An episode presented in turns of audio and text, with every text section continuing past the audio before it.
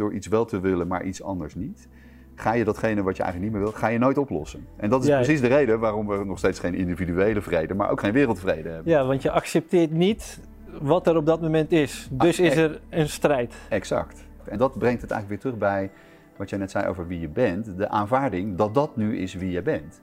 Ja. Dat wil niet zeggen dat je dat altijd zo moet blijven en dat je niet iemand anders kan worden. Maar je wordt juist iemand anders door te aanvaarden wie je nu bent. Die erkenning die zorgt ervoor dat alle spanning die ervoor zorgt waar we eigenlijk last van hebben, dat die wegvalt. En dan komen dingen weer terug in hun natuurlijke orde, hebben hun natuurlijke timing en hoeven ze niet langer te duren dan nodig. Dit is hem. Ja. Weet je wel, dit is, de, dit is de tijd om het aan... Ik bedoel, moet het nog heftiger worden? Prima, weet je wel. We kunnen op de snoesknop drukken. Nou, dan gaan we nog een paar duizend jaar verder. Wordt het nog intenser. Want het, het wordt natuurlijk steeds intenser. Dat, Ja. dat voelt iedereen, denk ik. ja. Dus voor mij is dat een prachtige uitnodiging voor waar wij het vandaag over hebben. Van, om die, die schaduwkanten aan te kijken. Maar het is ook freaky, toch? Want wow, het is best confronterend om daarnaar te kijken en te denken, "Poeh, zo, dit, dit, dit zijn wij dus. Dat hoor je vaak eh, de laatste tijd mensen zeggen, hè, van ja, de langste reis die je ooit zal maken is van het hoofd naar het hart. Maar ik denk dat dat niet klopt. Ik denk dat de reis die we te maken hebben is de reis van het hoofd en het hart. Hmm. Dus om de mind inclusief te maken vanuit het compassievolle hart. En dat zal de mind tot rust brengen.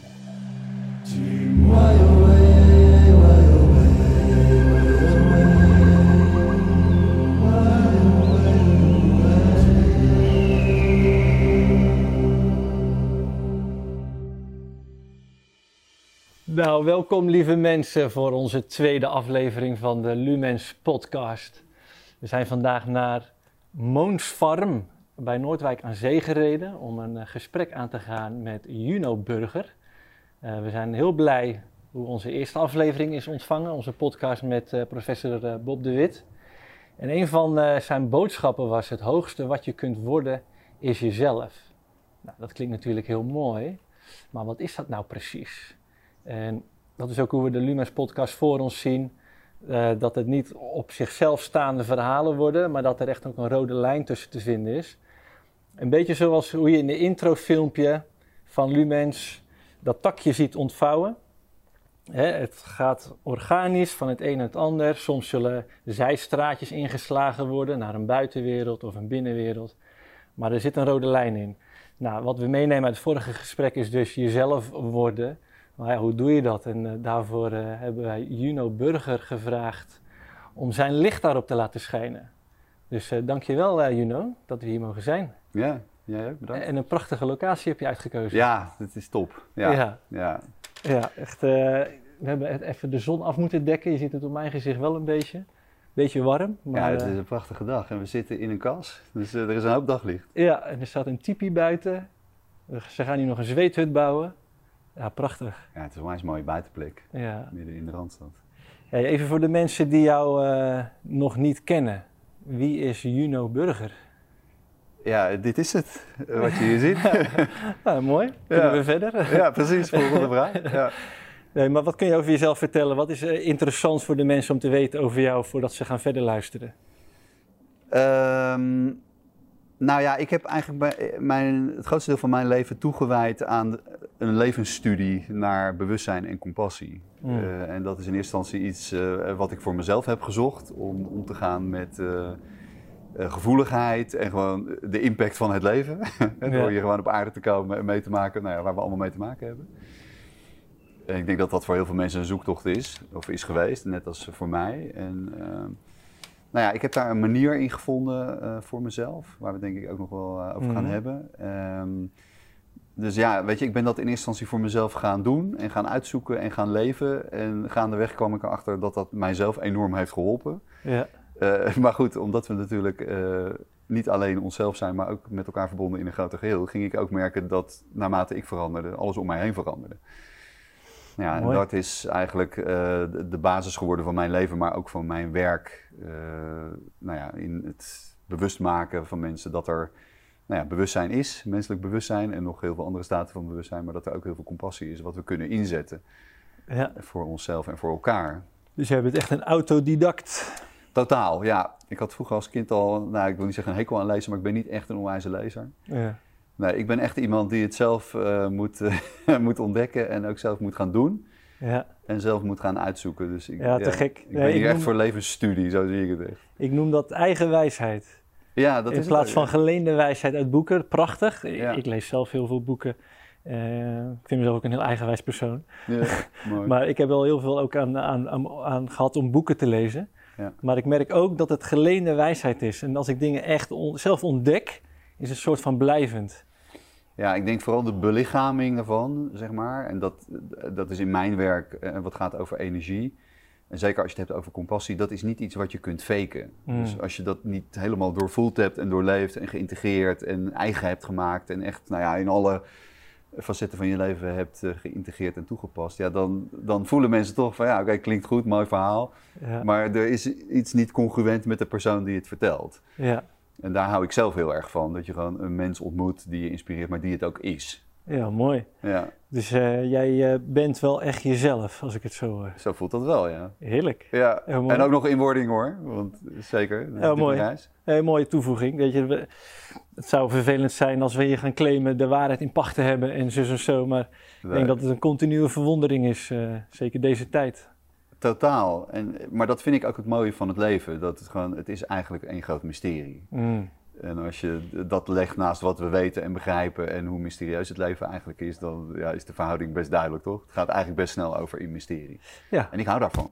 Ja, maar dat is ook wetenschap in beginsel. Weet je, het verwonderen en kijken of we daar een model aan kunnen maken om de toekomst te voorspellen. Ja, Wat op zekere hoogte ook eh, gewoon heel krachtig is. zeker. Tot op zekere hoogte. Ja. Ja, jij hebt al die autodidactische lessen voor jezelf. Die heb jij ook in eh, meerdere boeken gegoten. Waarvan je laatste The Invitation is. ja, ik heb maar één boek geschreven trouwens hoor. Eén boek. Eén boek, ja. Oké. Ja, de Invitation, dat is het. Ja, Ja, nee, ja, dan houden we ermee op. Dan, Ja. Dat- ja. ja. Nee, maar in, de, in die invitation, dat eh, ja, sluit wel mooi aan, denk ik, ook bij de boodschap van Bob de Wit. Het hoogste wat je eh, kunt worden is jezelf. ja. Eh, wat kun je erover vertellen, kort? Wat, wat, wat kunnen mensen in dat boek vinden? Nou, de Invitation is eh, begonnen eigenlijk in de zomer dat corona ons overspoelde. En dat kwam eigenlijk gewoon omdat ik mezelf de vraag stelde van ja, wat kan ik nu bijdragen met gewoon mijn levenservaring aan het welbevinden van mensen? En met name omdat gewoon opeens door die situatie, eh, weet je, mensen thuis zaten. Mensen opeens, eh, weet je, de hele dag op 60 vierkante meter in Amsterdam met elkaar moeten zien uit te vechten. Dus de schaduw, hè, die, de dingen die mensen in zichzelf nog niet hebben aangekeken en opgelost, ja, dat werd natuurlijk enorm uitvergroot. Eh, en niet alleen op kleine schaal in mensen individueel of in gezinnen, maar natuurlijk ook in het collectief. Hè. Dus gewoon de situatie zeg maar, waarin we leven is voor mij een soort mega uitvergroting van de dingen die we gewoon nog moeten aankijken. Ehm, en dat is ook waar mijn werk over gaat. Dus eigenlijk mijn gedachte was van wat kan ik nu bijdragen om mensen een beoefening te geven die je gewoon heel praktisch kan toepassen in je dagelijkse leven. Maar die ook de veiligheid biedt om juist die schaduwstukken nou ja, aan te gaan. Want dat is iets wat veel mensen weerhoudt. Mensen voelen intuïtief van ja, dat is wel hetgene wat ik eigenlijk moet doen. Maar toch voel je ook van, oeh, ik wil daar eigenlijk niet naartoe. Naar die pijn of dat verdriet of die angst of die schaamte. Nou ja, en zo is het idee van de Invitation geboren. Het idee eigenlijk van een community waarin je een, eh, echt een hele uitgelijnde, congruente beoefening doet. Maar ook met bewustzijn en compassie voor elkaar beschikbaar bent. Ehm, dus dat is begonnen in de zomer van eh, 2020. Nou, dat heeft eigenlijk een soort vliegende start gemaakt. Daar deden in de eerste editie 300 mensen aan mee. En nu zijn we anderhalf jaar verder. En nu zijn er 9000 mensen die dat maandelijks doen. Dus ergens heeft dat iets aangeraakt, iets intrinsieks in mensen, waarvan mensen denk ik voelen van oké, dit is zinvol om te doen.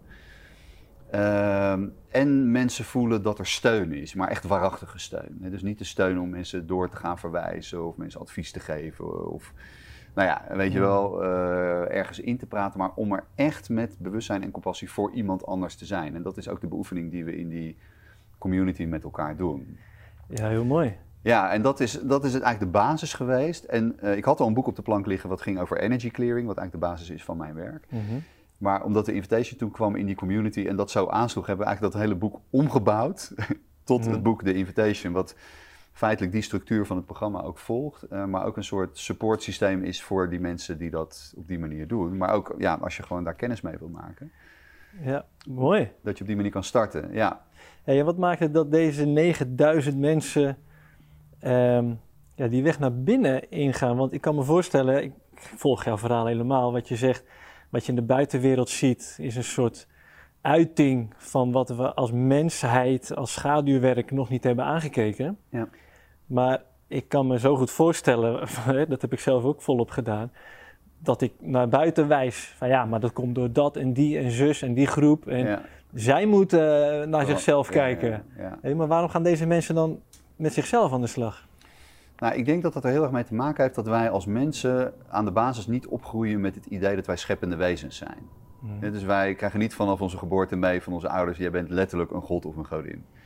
Toch? En alles wat er in jouw buitenwereld gebeurt, dat is een creatie van moment tot moment op van wie jij bent. Dus wat je net zei over Bob de Wit, het mooiste wat je kunt worden, dat is jezelf. Maar dat is natuurlijk de grote vraag, wie ben je nu? En dat is Hmm. natuurlijk aan de ene kant een bewust stuk. Hè? Dus je weet van jezelf wie je bent en wat je doet en wat je in beweging zet. En waar je credits voor neemt en verantwoordelijkheid voor neemt. En dat is super mooi. Maar het grootste deel van je creatiekracht is onbewust. Ja, En dat zie je natuurlijk ook terug in je buitenwereld.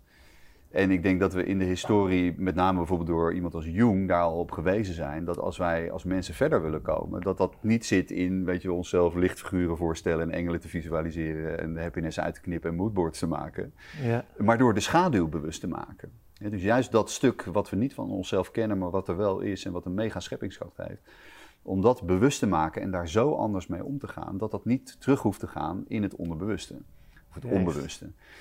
En ik denk door alles wat je nu ziet en wat jij ook net zegt, dat mensen op een gegeven moment realiseren van ja, de blame game, hè, dus gewoon de buitenwereld de schuld geven van wat er gebeurt, is natuurlijk ook een realisatie dat je ziet van ja, dat zet mij ook op een hele ontkrachte plek.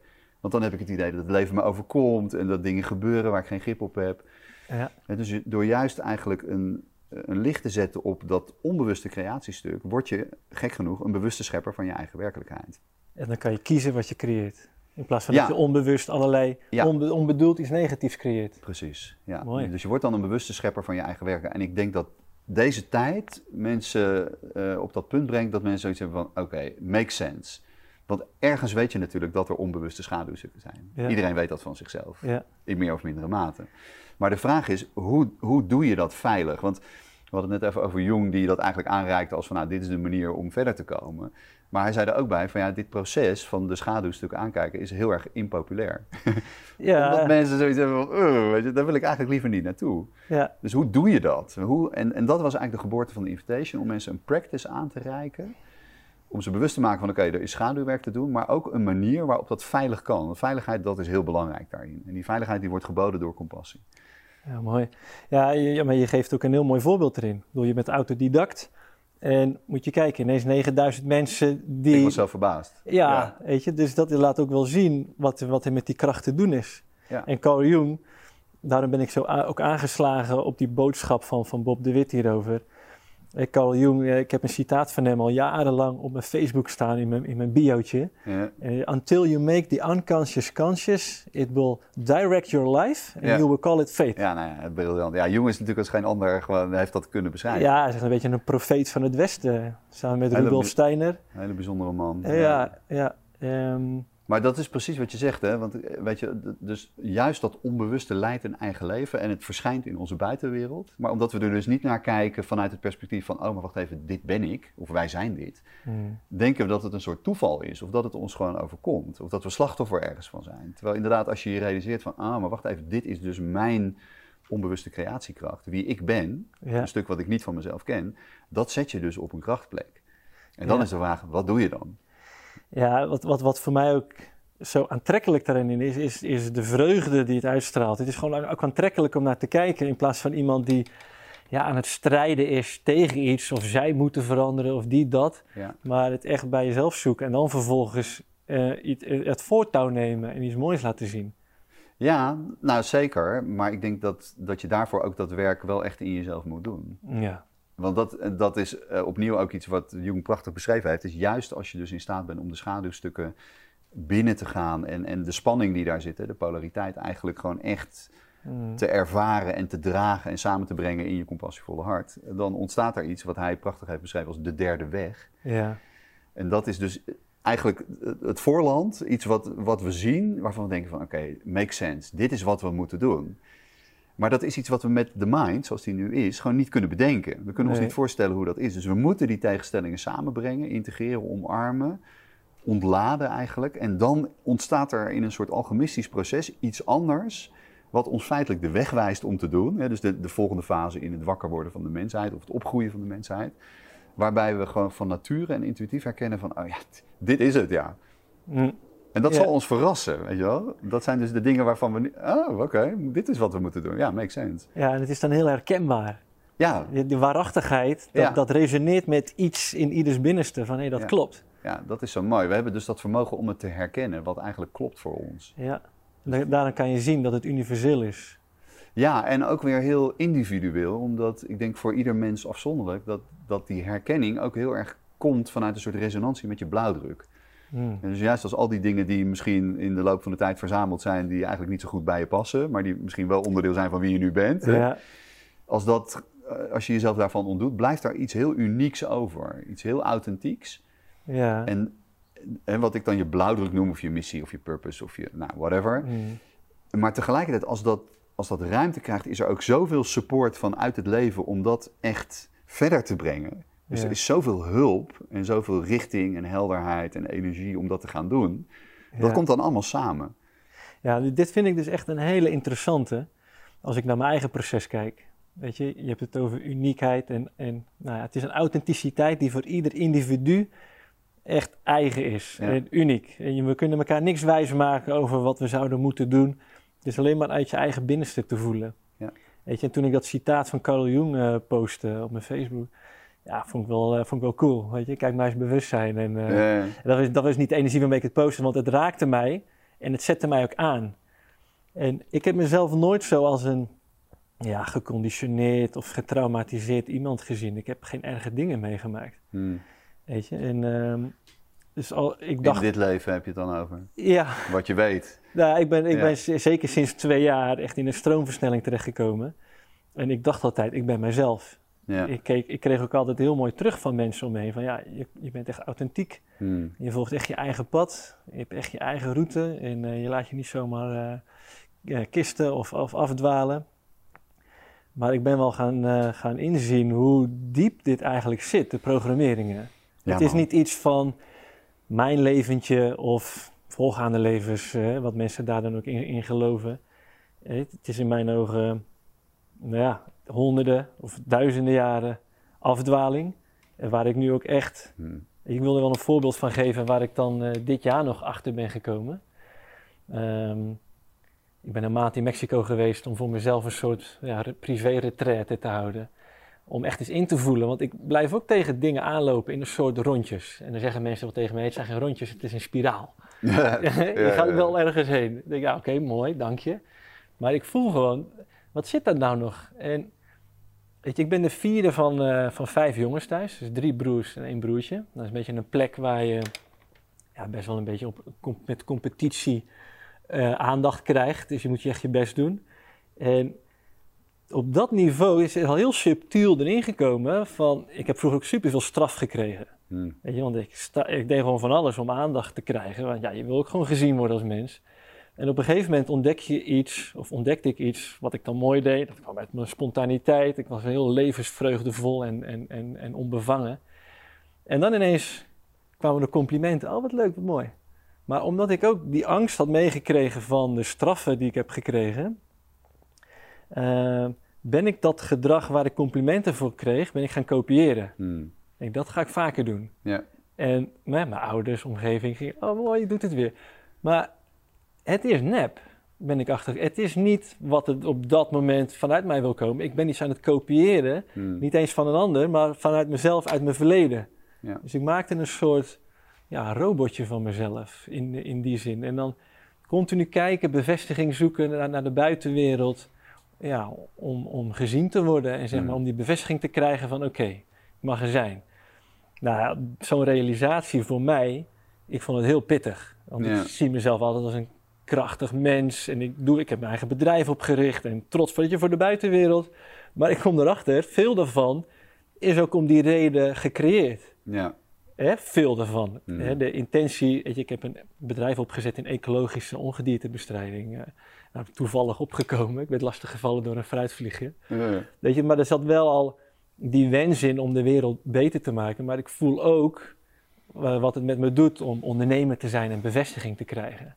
Ja. Weet je, en als ik daarnaar kijk, dan denk ik zo, dat zit wel diep zeg. Dat is niet iets wat je even in een podcastje meekrijgt en uh, oh, weten we dat ook weer op, we gaan weer verder. Nee joh, nee. Nou ja, heel herkenbaar. Uh, het, ja, weet je, ik denk dat onze conditionering, weet je, ik vond, het heel mooi in je intro wat je zei van ja, dat je wil worden wie je bent, maar eigenlijk de, de aanvaarding van wie je nu bent, en dat is dus inclusief dat stuk, dat schaduwstuk, Hmm. uh, dat gaat ons echt verder brengen.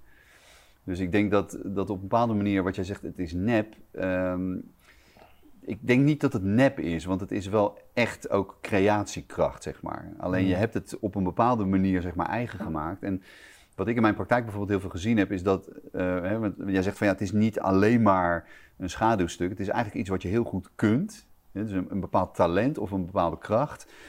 En die zet je in om in je leven verder te komen. Dat ben je nu ook aan het doen natuurlijk. Mm. Maar diezelfde kracht, omdat je die ook al zo intrinsiek hebt ingebouwd, zet je ook in om met je schaduwstukken te dealen. Dus er ontstaat een soort afsplitsing, zeg maar, van iets wat je heel goed kunt, wat je inzet om eigenlijk je, je trauma, zeg maar, onder controle te krijgen en te houden. Mm. En verder te brengen, want dat is de manier die je kent. Hè, wat jij net zegt over, nou, dat is de manier waarop je aandacht krijgt, gezien wil worden. Mm. Uh, maar het is ook een stuk wat je echt verder brengt om, je, om echt je purpose te vervullen. En ik denk dat de kunst is om, dat, om te zien hoe je dat hebt ingezet. En welk deel voor je werkt en welk deel niet voor je werkt. En door juist die beide aspecten te integreren en te omarmen met gelijkmoedigheid. Hè? Dus niet... Gelijkmoedigheid? Ja. Ja, dus dat je... Uh, want de verleiding is natuurlijk om, als je op een gegeven moment zo'n patroon ziet, om te denken van, oh ja, ik wil dat niet meer. Weet je, wat jij ook zegt, het is niet echt. En dan komt er eigenlijk al heel subtiel een soort polarisatie, een soort verwijdering van, dat wil ik niet. Mm. Dus er is een element van afwijzing, zou je kunnen zeggen. Wat heel begrijpelijk is, want het is iets wat je niet meer wil. Uh, maar als je het energetisch bekijkt, uh, dan, dan ben je toch nog vanuit de mind, zeg maar, iets aan het kiezen of iets aan het creëren ten koste van iets anders. En dat creëert polarisatie. En dat is precies de manier waarop conflicten eigenlijk in stand blijven. Dus Mm. even los van welk kamp je kiest, Mm. hè, door, door je vertrekpunt, door iets wel te willen, maar iets anders niet, ga je datgene wat je eigenlijk niet meer wil, ga je nooit oplossen. En dat is Ja. precies de reden waarom we nog steeds geen individuele vrede, maar ook geen wereldvrede hebben. Ja, want je accepteert niet wat er op dat moment is. Dus Ah, is eh. er een strijd. Exact. Exact. En dat is de sleutel. Om dus te en dat brengt het eigenlijk weer terug bij wat jij net zei over wie je bent. De aanvaarding dat dat nu is wie je bent. Ja. Dat wil niet zeggen dat je dat altijd zo moet blijven en dat je niet iemand anders kan worden. Maar je wordt juist iemand anders door te aanvaarden wie je nu bent. ja, mooi. Weet je, soms denk ik, eh, als ik zelf een podcast luister, heb ik soms echt even nodig om, om echt te, in te voelen wat, wat dit nou betekent. Ja. Weet je, dus dat, ik vind het ook mooi om dit nu ook voor mezelf even in te voelen. Ehm, weet je, je, je hebt het ook over energie. En mensen praten ook vaak over, over, over je identiteit. Wie ben je? En dan zeggen fijn vaak, nou, ik ben een ziel en ik heb een lichaam. Ja. Weet je, en ik heb een geest. Dus die drie eenheid, geest, lichaam, ziel. Hmm. En, en, en energieën. Wat, wat, wat kun jij erover vertellen? Hoe, hoe ziet dat er voor jou uit? Ja, het, eh, er is ook een hoop begripsverwarring, zeg maar. Over Ja. wat het ego, de persoonlijkheid, het individu. Iedereen gebruikt die termen heel erg door elkaar. Ik vind dat heel ingewikkeld. Ehm, ja, ik- kijk, ik ben iemand die eh, eigenlijk alles ter discussie stelt. Dus ook het hele concept van de ziel. Ehm, de vraag is, hoe echt is dat? Bijvoorbeeld het feit dat er in boeddhisme eigenlijk... Boeddhisten geloven niet in de ziel. Mhm. Nou, dat zegt wel iets natuurlijk. Dus het zou zomaar kunnen zijn, dat vind ik bijvoorbeeld een interessant ding om te onderzoeken, dat de ziel een constructie is van de mind om het verhaal van de persoon na de dood levend te houden, voor te zetten. En als je ook kijkt naar het concept van de ziel, hè, dus wat mensen zeggen, ik ben een oude ziel, bijvoorbeeld, hè, dat hoor je mensen vaak zeggen, dat zegt ook eigenlijk al van, oh, maar wacht even, dit, dit speelt zich af in tijd en ruimte. En dat is de dimensie van de mind. Mhm. Dus dat is misschien al een soort giveaway van, ah, misschien is die mind zo slim en zo geraffineerd en zo cunning, dat hij iets in het leven roept, hè, de ziel, om ervoor te zorgen dat het verhaal van de persoon door kan gaan nadat het fysieke lichaam is overleden. Ja. Hoe, hoe zie jij dat? Want je, je bent volgens mij wel een ja, spiritueel mens of levensbewustzijn. Ja. Dit is een creator of hoe zie jij dat? Nou, ik zie, ik zie dat er, er is natuurlijk een begin, maar dat is iets heel mysterieus. Ja. En dus als je bijvoorbeeld kijkt naar de term bewustzijn, eh, dat is bijvoorbeeld iets wat, eh, dat is eigenlijk een heel groot mysterie. Wat is bewustzijn nou eigenlijk? Hè? Daar is eigenlijk nog steeds geen consensus over. En ik denk dat dat ook niet eh, te begrijpen is, omdat kijk, de term bewustzijn zegt al iets van je hebt iets waar je bewust van bent en iets wat ergens bewust van is. Dat, dat, dat zijn al twee dingen, terwijl je iets probeert te beschrijven wat één is. Mhm. En dat ene, wat bewustzijn creëert. Hè, want ik, ik deed vroeger dat spelletje met mijn dochter wel eens. Weet je, van nou, oké, je kijkt naar een steen. En waar is die steen dan van gemaakt? Hè? Dus stel je legt die onder een microscoop en je gaat inzoomen. Nou, dan vind je op een gegeven moment moleculen. En dan ga je inzoomen. En dan vind je atomen. En dan vind je quarks en weet ik wat allemaal. En op een gegeven moment is er dus niks meer. Toch? Dan is de materie is weg en dan is er alleen maar Energie. energie. Ja. Er is niks. Mhm. Oké? En dat geldt natuurlijk voor alle dingen in het leven, inclusief de ziel. Want als je de ziel zou zien als een soort eindstation, oké, dan is natuurlijk de vraag, waar is dan de ziel van gemaakt? Ja. Dus ergens kom je natuurlijk bij een punt dat je het niet meer, Ja. toch, kan verklaren. En, en dat is eigenlijk eh, van waar ik uit naar het leven kijk. Dus uiteindelijk er, is er gewoon alleen maar zijn, zou je kunnen zeggen, wat Mhm. zich op alle mogelijke manieren manifesteert, inclusief de ziel. Mhm.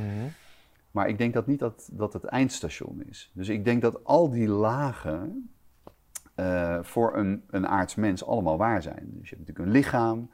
Godzijdank heb je een persoonlijkheid. Hè, want dat maakt jou uniek. Dat is misschien je blauwdruk.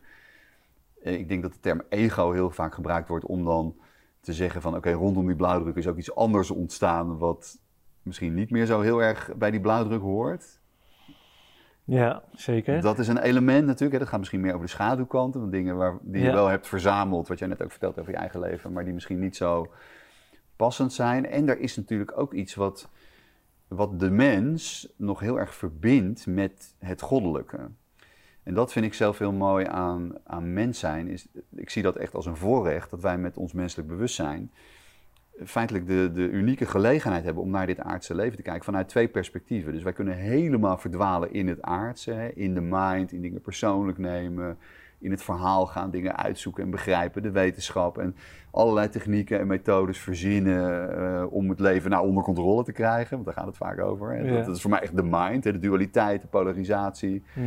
En ik zie de mind dan niet als het denken, maar ik zie de mind als een soort theater, een soort groot podium waarin het leven, het ongemanifesteerde leven, zich manifesteert. Dat is gewoon de menselijke ervaring. Mhm. En dan heb je een fysiek lichaam, en dat heeft allerlei begrenzingen, de bandbreedte, dingen die je kunt zien. Dat hoort gewoon bij deze realiteit. Maar tegelijkertijd hebben wij als mens toegang tot een aspect in ons. ehm, waarbij we het leven kunnen ervaren vanuit de plek van het scheppende, zo noem ik dat. Dus wij kunnen ook naar het leven kijken vanuit dat perspectief van source. Mhm. En dat is je compassievolle hart. Dus wij hebben aan de ene kant de mind, maar wij hebben ook nog een plek in ons waar alles intact is. En dat is in de Veda's eh, zo mooi beschreven. Die zeggen eigenlijk van nou, het totale menselijke bestaan speelt zich af in dualiteit en polariteit. Maar er is één plek in ons waar geen polariteit is. En dat noemen zij de tiny space in the heart. Prachtig. Dus de enige plek van waaruit wij naar het leven kunnen kijken vanuit het scheppende en kunnen herkennen dat alles wat wij hier zien, ook zoals wij hier nu zitten, Mhm. Is allemaal source. Het is allemaal dezelfde bron die zich manifesteert als Ferdinand, Ja. als de stoel, het glaasje water, het boek, Joey, de camera's, dit gesprek, de woorden, Ja, de lucht die we inademen. Dat is allemaal source. ja. En dat is denk ik de enige plek van waaruit we naar het leven kunnen kijken en werkelijk het leven kunnen omarmen. Omdat we dan helemaal uit de dualiteit zijn en uit de polariteit. En dan dus ook echt dat drama kunnen overstijgen. Vanuit de mind gaat dat nooit lukken. Dat kan Ja. de mind niet. Nou ja, de, de grote denkers der aarde zijn daar ook op uitgekomen. Dit is een uni- dat kan niet anders. Je, ja, eh, precies, als Nee. je dan maar lang genoeg blijft graven, en dan kom je hierop uit. Hè. Je, Nikola Tesla zei dat, Albert Einstein zei dat. Het is, het is natuurlijk geen, ja, het is niks nieuws, alleen je moet het heel praktisch maken. En waar, waar de invitation als beoefening over gaat, is doordat je eigenlijk twee dingen samenbrengt. Dus menselijk bewustzijn, dus je vermogen om je ervaringswereld op te merken. En dat hebben we natuurlijk allemaal, gelukkig. Hè? We hebben allemaal menselijk bewustzijn, godzijdank. We kunnen onze buitenwereld observeren, we kunnen onze binnenwereld observeren via meditatie of zelfonderzoek. En daarnaast hebben we, godzijdank, allemaal een compassievol hart. Dus we hebben ook het vermogen om in meer of mindere mate dat wat we ervaren te zien voor wat het is, te herkennen als source, helemaal te omarmen en te laten zijn zoals het is, zonder dat het hoeft te veranderen. En die combinatie van die twee dingen, dus als dat samenkomt, dus menselijk bewustzijn en compassie, of waarnemen en laten zijn, zou je ook kunnen zeggen. Die twee dingen bij elkaar, die smeden een sleutel en die sleutel die past op de deur van je compassievolle hart. Dus elke keer als je iets bewust waarneemt en omarmt, betreed je die binnenruimte van je compassievolle hart en kijk je opnieuw naar het leven vanuit het scheppende in jou, vanuit hoe Source dat doet. Ja. En dan is het opeens een heel ander verhaal. Dat klinkt mooi zeg. Ik Ja. zit het gelijk ook te vertalen naar mijn eigen leven. En ik, weet je, ik wil en moet ook zoveel tussen haakjes. Hè? Ja. Eh, we hebben een druk leven, druk bestaan en we hebben met geld te maken. En eh, straks komt die nullijn in zicht en dan, weet je, Ja. allemaal angsten. Ja, van mijn gevoel halen jullie er ook weer uit, uit die ervaring. Ja, je haalt de spanning eraf. Mhm. Ja. Dus je bent niet bezig om het te, te fixen, te voorkomen. Maar het wonderlijke is dus juist. Kijk, je zou ook kunnen zeggen, dat is een beetje mijn conclusie na heel lang dit doen, dat alle facetten zonder uitzondering van het leven naar één ding op zoek zijn, en dat is erkenning. Mm. Bestaansrecht. Mogen ze er zijn? En dus ook alles waar we ons onge- ongemakkelijk bij voelen, alles waar tegen we ageren, wat we zo graag zullen, zouden willen veranderen, mag dat er echt zijn? Kan dat er echt zijn? Kun je dat echt zien als source creatie? Maar echt hè, waarachtig. Dus niet met de mind, terwijl je denkt van, oh, ik, wil, ik zou dat dit allemaal anders willen zijn, maar mijn spirituele beoefening is, ik moet dit nu aanvaarden. Terwijl alles in je lijf zegt van, ik trek dit niet Ja. dan werkt het niet. Dat is de mind die dat dan eigenlijk kaapt en tot een soort truc maakt. Maar de, echt de waarachtigheid waarmee je het kunt ervaren en kunt zien als creatie, die erkenning die zorgt ervoor dat alle spanning die ervoor zorgt waar we eigenlijk last van hebben, dat die wegvalt. En dan komen dingen weer terug in hun natuurlijke orde, hebben hun natuurlijke timing en hoeven ze niet langer te duren dan nodig. Terwijl hoe wij daar vaak mee omgaan, jij noemde dat wel even, dat we dingen bestrijden, dat we dingen bevechten, dat we ergens tegen ageren, dat we strijders zijn. Mhm. Precies dat, dat gevecht, dat conflict, geeft juist zoveel energie aan datgene wat we zo graag willen oplossen. En daardoor houden we het, we geven het veel meer power, maar we houden het veel langer in stand dan de natuurlijke timing van die aspecten van het leven. Ja. Ja, ik geloof een uiteindelijke conclusie van dat pad zal zijn waar we het nu over hebben. Dus vroeg of laat, weet je, voor mij is het hele universum een, een zelfcorrigerend systeem Ja, om thuis te komen Ja. bij die conclusie. Ja. Maar dat vond ik ook mooi, de, wat de Boeddha ooit heeft gezegd, als ik het goed begrijp. Hij zegt, mijn teachings zijn als een vlot om naar de overkant te komen. Mm, En als je daar eenmaal bent, laat het vlot achter. ja. Weet je, de- hou je niet vast aan die teachings, aan die woorden. Ja, dat is, de, dat is heel mooi. Ja, dat is ook eigenlijk de basis van dit systeem. Het is niet echt een systeem, maar van deze manier van omgaan met het leven. Is dat het eigenlijk gemaakt is om zichzelf overbodig te maken. Ja. Ja. Nee, dat is ook een knipoog wat we met ons eh, tijdboek hebben gedaan. Het is vanuit een tijdschrift ontstaan. We vonden het zo mooi. En ook de lezers, dus we hebben er een hardcover van gemaakt. Ja. Maar dan mag het geen tijdschrift meer heten, dus we hebben het een tijdboek Ah, genoemd. ja, ja, ja, grappig. Maar eigenlijk, ik zie het ook echt als een tijdelijk boek. Ja, Ik geloof dat we op een dag hebben we al die externe teachings, wijsheden niet nodig. Het is echt als een vlot. Ik werd omvergeblazen door de inhoud van meerdere artikelen. Ik dacht, wauw. ja. Nee, maar uiteindelijk mag, mag het achtergelaten worden, omdat je dan echt zo die verbinding hebt met die eigen intuïtie. De- weet je, ja, dat is het ook. Ja. Ja. Mooi is dat. Ja, je helpt mensen gewoon een stukje op weg. Ja, ik vind het prachtig. Ik ben er zelf ook onwijs door geholpen. En ik voel dat er eh, vanuit mij en ook het team wat we hebben, we zijn al inmiddels met z'n vijven met de redactie. Nou ja, Joey Baten helpt mee, Katie Schene is er ook bijgekomen. Ja, we voelen er wil zoveel uit, maar, maar hoe? Weet je, hoe Ja. kunnen we het op een kloppende, waarachtige manier doen? Hoe voorkom je dat er weer een beweging of een volgeling, een volging staat? Een, een, een soort piramide, weet je, dat zou je Ja. ook wel hebben. Hè, je straalt kracht uit, charisma, authenticiteit. Dat is gewoon aantrekkelijk en dat voelt fijn voor mensen. Je- Jij je haakt niet aan energetisch bij andere mensen dat je iets komt halen. Weet je, maar hoe, Ja. hoe kijk jij er tegenaan? Dat mensen niet weer jou gaan volgen, wat ze ervan weerhoudt om zelf die weg naar binnen in te gaan. Nou ja, ik denk in die dynamiek moet er bij degene die gevolgd wordt, wie dat dan ook is, moet natuurlijk wel een mogelijkheid zijn om dat te doen. Dus het is niet alleen de mensen die iemand volgen. Er moet natuurlijk ook aan de andere kant iets zijn wat daar blij van wordt of dat fijn vindt. Dus dat is denk ik de verantwoordelijkheid van de persoon die iets naar buiten brengt om heel goed te checken van ja, waar heb ik zelf nog haakjes eh, waar mensen kunnen aanhaken. En ik denk als je dat voor jezelf helder hebt, ja, dan wordt dat ook heel lastig. En dan zullen mensen dat misschien alsnog doen, want dat is misschien ook de natuur van de mensen om geleid te worden, en zeker als je natuurlijk een visionaire boodschap hebt, ja, dan is het ook fijn, omdat, nou ja, we hadden het er net even in het voorgesprek ook over, dat ehm, het is soms, weet je, mensen voelen wel de, de, noodzaak om te veranderen, maar weten soms ook niet hoe, of hebben nog niet het voorbeeld gezien, of het is nog niet gemanifesteerd. Dus als er dan iemand is die zegt van, oké, zo moeten we dat doen, dan helpt dat ook. Weet je? Het Ja. is ook een soort gidsfunctie, zeg maar. Ja, Maar er zitten natuurlijk allerlei andere kantjes aan. Eh, ja, je wil niet dat mensen je volgen. Je wil natuurlijk mensen empoweren, zeg maar. Mm. Dus hoe kan je mensen een stukje meenemen zonder dat ze aan je kunnen blijven plakken? En op een gegeven moment moet je ook dat touw doorknippen en zeggen van, je moet het gewoon zelf gaan doen. ja. ja, ik ben ook Jezus zijn woorden hierin gaan ontdekken. Ik ben boeken van Bram Moeland aan het lezen over de Thomas-evangelie en de Ja. En de gnostiek. En dit was ook waar Jezus continu op terugkwam: van ik ben niet jouw meester. Je, je, doet, je doet het zelf. Ja, Ja, dat vind ik echt heel krachtig. ja maar de- ja, ik, ik, ik, als je dat bestudeert, want je hebt natuurlijk, eh, nou ja, de afgelopen jaren zijn er heel veel grappige, interessante documentaires over goeroes naar buiten gekomen. Ja, ja. is dat hoe harder gurus zeggen van don't follow me, hoe meer mensen denken, wauw, die gast is zo verlicht, die Oh, moeten dus dat moet je ook volgen. niet zeggen. dat zit ook in de aard van de mens of zo. Dus dat is, dat is Kijk, ja. moeilijk. Maar ik denk vooral energetisch, als er geen aanknopingspunt is bij degene die iets naar buiten brengt, dan wordt het Mm. lastig voor mensen om die nou ja, following trip zeg maar in, stand te houden. Dat is moeilijk. Kijk, met de ontwikkeling van, eh, van ons boek zijn we op een gegeven moment ook echt ja, ja, gaan, gaan grappen met een knipoog. Want het is natuurlijk ergens ook heel verdrietig. Maar ja, er is gewoon eigenlijk niks meer aan te wijzen wat nog zuiver is, welk thema. Weet je, we, we- het onderwijs, eh, het, rechtssysteem, de democratie, eh, het nieuws, de films die we Hmm. kijken, hoe we met seksualiteit omgaan, de voeding die we tot ons nemen, de lucht die we inademen, het water dat we drinken. Ja, Ik raak bijna buiten adem, weet je. ja, ja. ja. Dus hoe ik het dan ook zie, is dat het, het, het bewustzijnspotentieel van een, de mens is ook zo vernauwd. En alsof je door een sleutelgat zit te kijken. En zo'n goeroe of iemand die dan de aandacht krijgt. Nou ja, jij in dit geval dan met 9000 mensen die die, hè, die, die lessen interessant vinden. Dat sleutelgat, of die schijnwerper richt zich dan eventjes op dat stukje.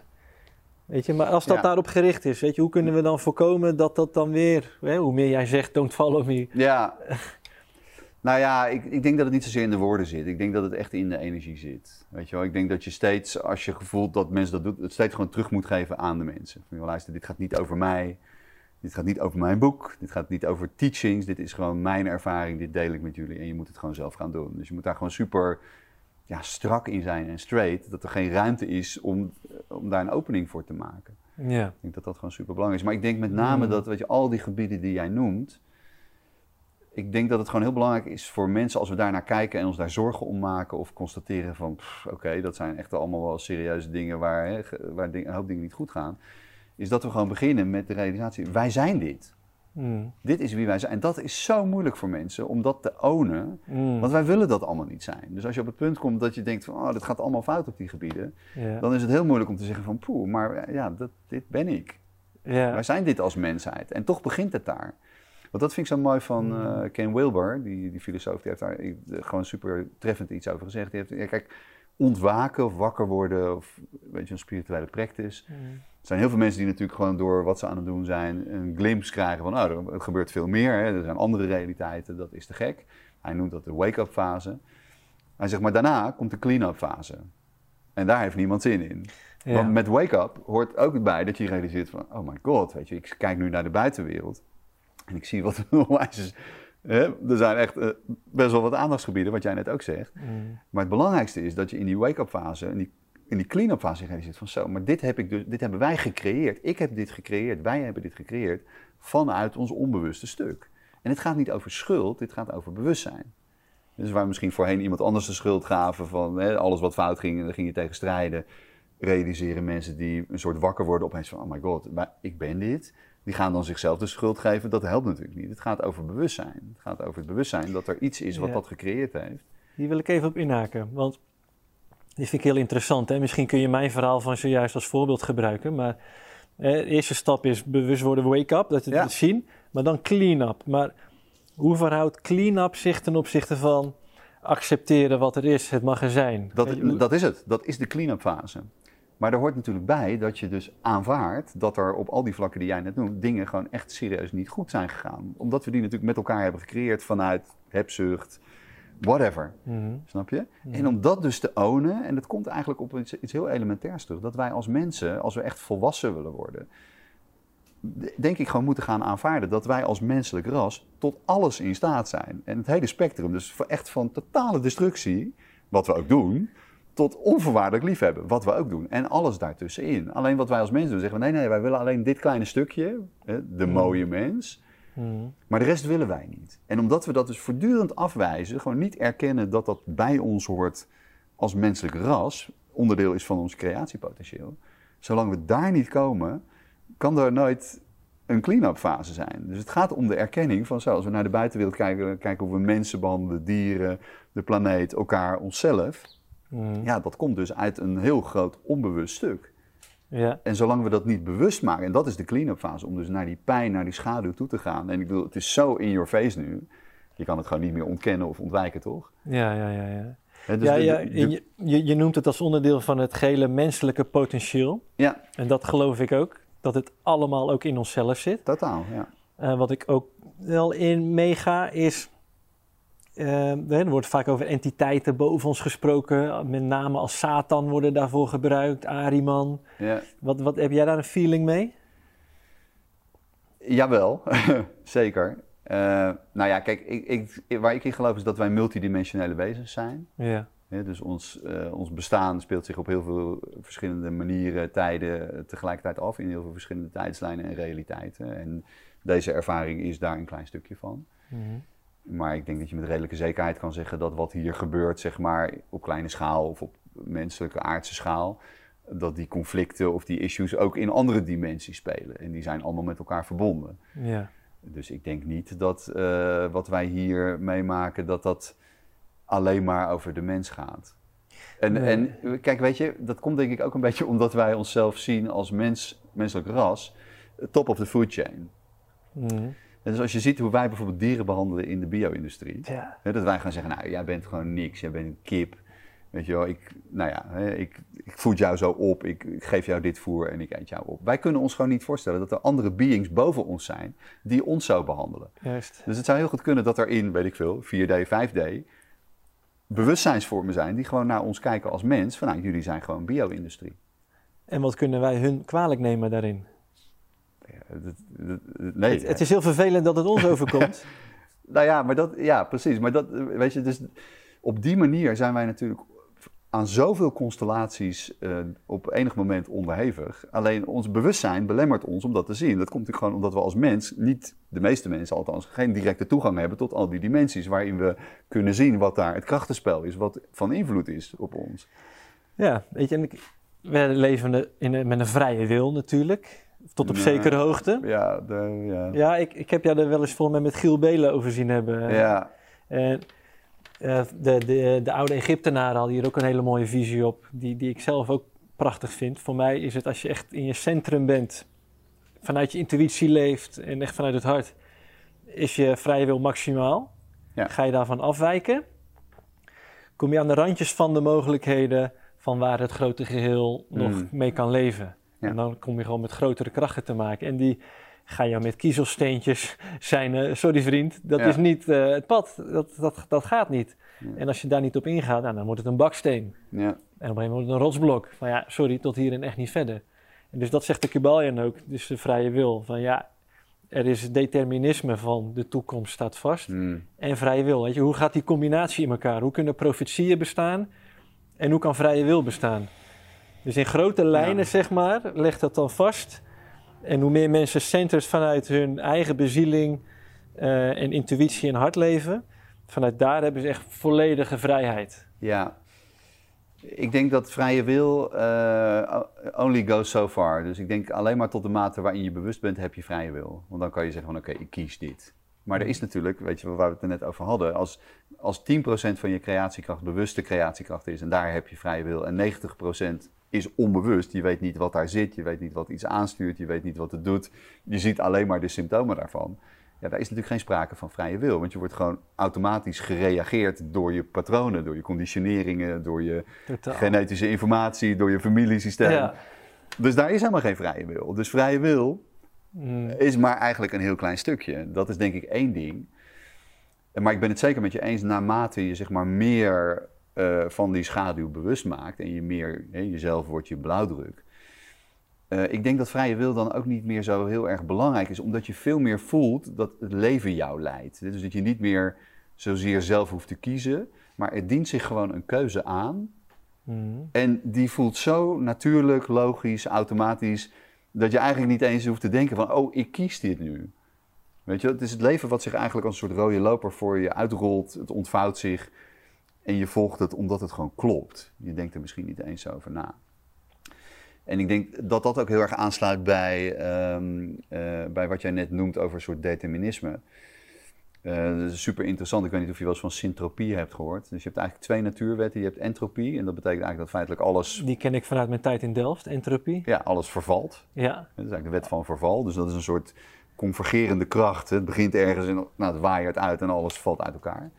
Maar syntropie, dat is eigenlijk precies het tegenovergestelde daarvan. En syntropie is dus eigenlijk een, een convergerende kracht, dus een punt in de toekomst waar je naartoe beweegt. En je zou kunnen zeggen dat dat misschien je purpose is, je vervulling, wat je hier komt doen. En dus dat is eigenlijk gewoon de weg naar huis. En die twee krachten, die zijn tegelijkertijd aan het werk voor ons. Dus aan de ene kant worden we teruggehouden door het verleden. Dus alles, hè, dat anker wat we achter ons aanslepen, wat ons afremt om eigenlijk echt onszelf te zijn en helemaal vrij te leven. En tegelijkertijd is er iets uit de toekomst wat ons roept, waar we naartoe willen bewegen. Als individu, maar ook als mensheid. The way home zou je kunnen zeggen. En hoe meer je dus van je entropische krachten oplost, hoe meer schaduwwerk je doet, hè, eigenlijk de, de zandzakken uit de luchtballon lost, Mm. hoe meer je dus eigenlijk in contact bent met die syntropische kracht die jou gewoon naar huis brengt. En die gewoon zo intuïtief voelt, dat je die ook ja, eigenlijk zonder nadenken volgt. En, hè, dus daar is vrije wil misschien veel minder belangrijk dan wij denken. En ik denk dat vrije wil voor ons mensen een soort heilig huisje is. Mm. Wat we ook met hand en tand verdedigen. Eh, en ik denk dat het ook wel bij deze aardse ervaring hoort, bij menselijk bewustzijn. Maar ik denk ja, dat we er niet te veel aan toe moeten schrijven. Ik vind het super interessant wat je zegt. Weet je, ik probeer het een beetje te koppelen aan wat ik zelf heb gezien. Ik, ik heb zelf wel eens visioenen. Ik vind het, nou, blijf het gek vinden, ook om over te praten. Maar het feit dat het woord visioen bestaat, geeft al aan. Hè, er is een woord voor uit de Ja. Nederlandse oertaal. Ja. Ehm, en wat ik een keer heb gezien is het ontstaan van het universum op een fundament van liefde. Hm. En dat herkent ook iedereen. Iedereen voelt, ja, liefde is het meest fijne wat er is. Ja. En dat er op dat fundament van liefde een soort nou ja, licht, een creatiekracht, creërend vermogen is ontstaan. Wat ik dan een beetje koppel aan sy- syntropie. Ja. Sy- syntropie. Ja, syntropie. ja. En allerlei wezens met creërende krachten. Maar met die vrijheid kunnen ze al van alles creëren. Wat misschien niet altijd in balans is met het universum of het grote geheel. En om die balans te herstellen is er een soort corrigerend vermogen nodig. Wat, hè, toen ik dat zag zo, ja, dat vertaalde ik dan met onlicht. En dat is nu denk ik dan de entropie, wat het continu weer, alles wat niet klopte, van afsnoept en wegtrekt om het te Ja. recyclen. Dat die Ja. materie en energie weer recycled kan worden. Als een soort torens. Wat Ja. geboorte, sterfte, geboorte, sterfte. Dat is de cyclus, ja. Ja. En dat zie je wel in het universum. Ga maar door. Ook met eh, ja, hele galaxies en sterrenstelsels. Joh, dat is niet voor te stellen. Ja, het gaat maar ook op het kleinste niveau. Weet je? Het Op is, alle niveaus. Ja. Ja. dat is echt het idee van, van het mosterdzaad, zeg maar. Ja. Dat het hele universum in een mosterdzaadje zit. Het hele holografische principe, zeg maar, van hoe ons universum gemaakt is. Ja, ja, ja. Ja, dit- leven wij gewoon in. Het is, het is waanzinnig. Maar ik denk dat visioenen... Kijk, als je, als je de mens ziet als multidimensioneel wezen... en we dus, nou ja, hè, door bijvoorbeeld plantmedicijn... of mensen die gewoon helderziend zijn... of meditatie of wat voor practice dan ook... gewoon Hmm. eigenlijk feitelijk...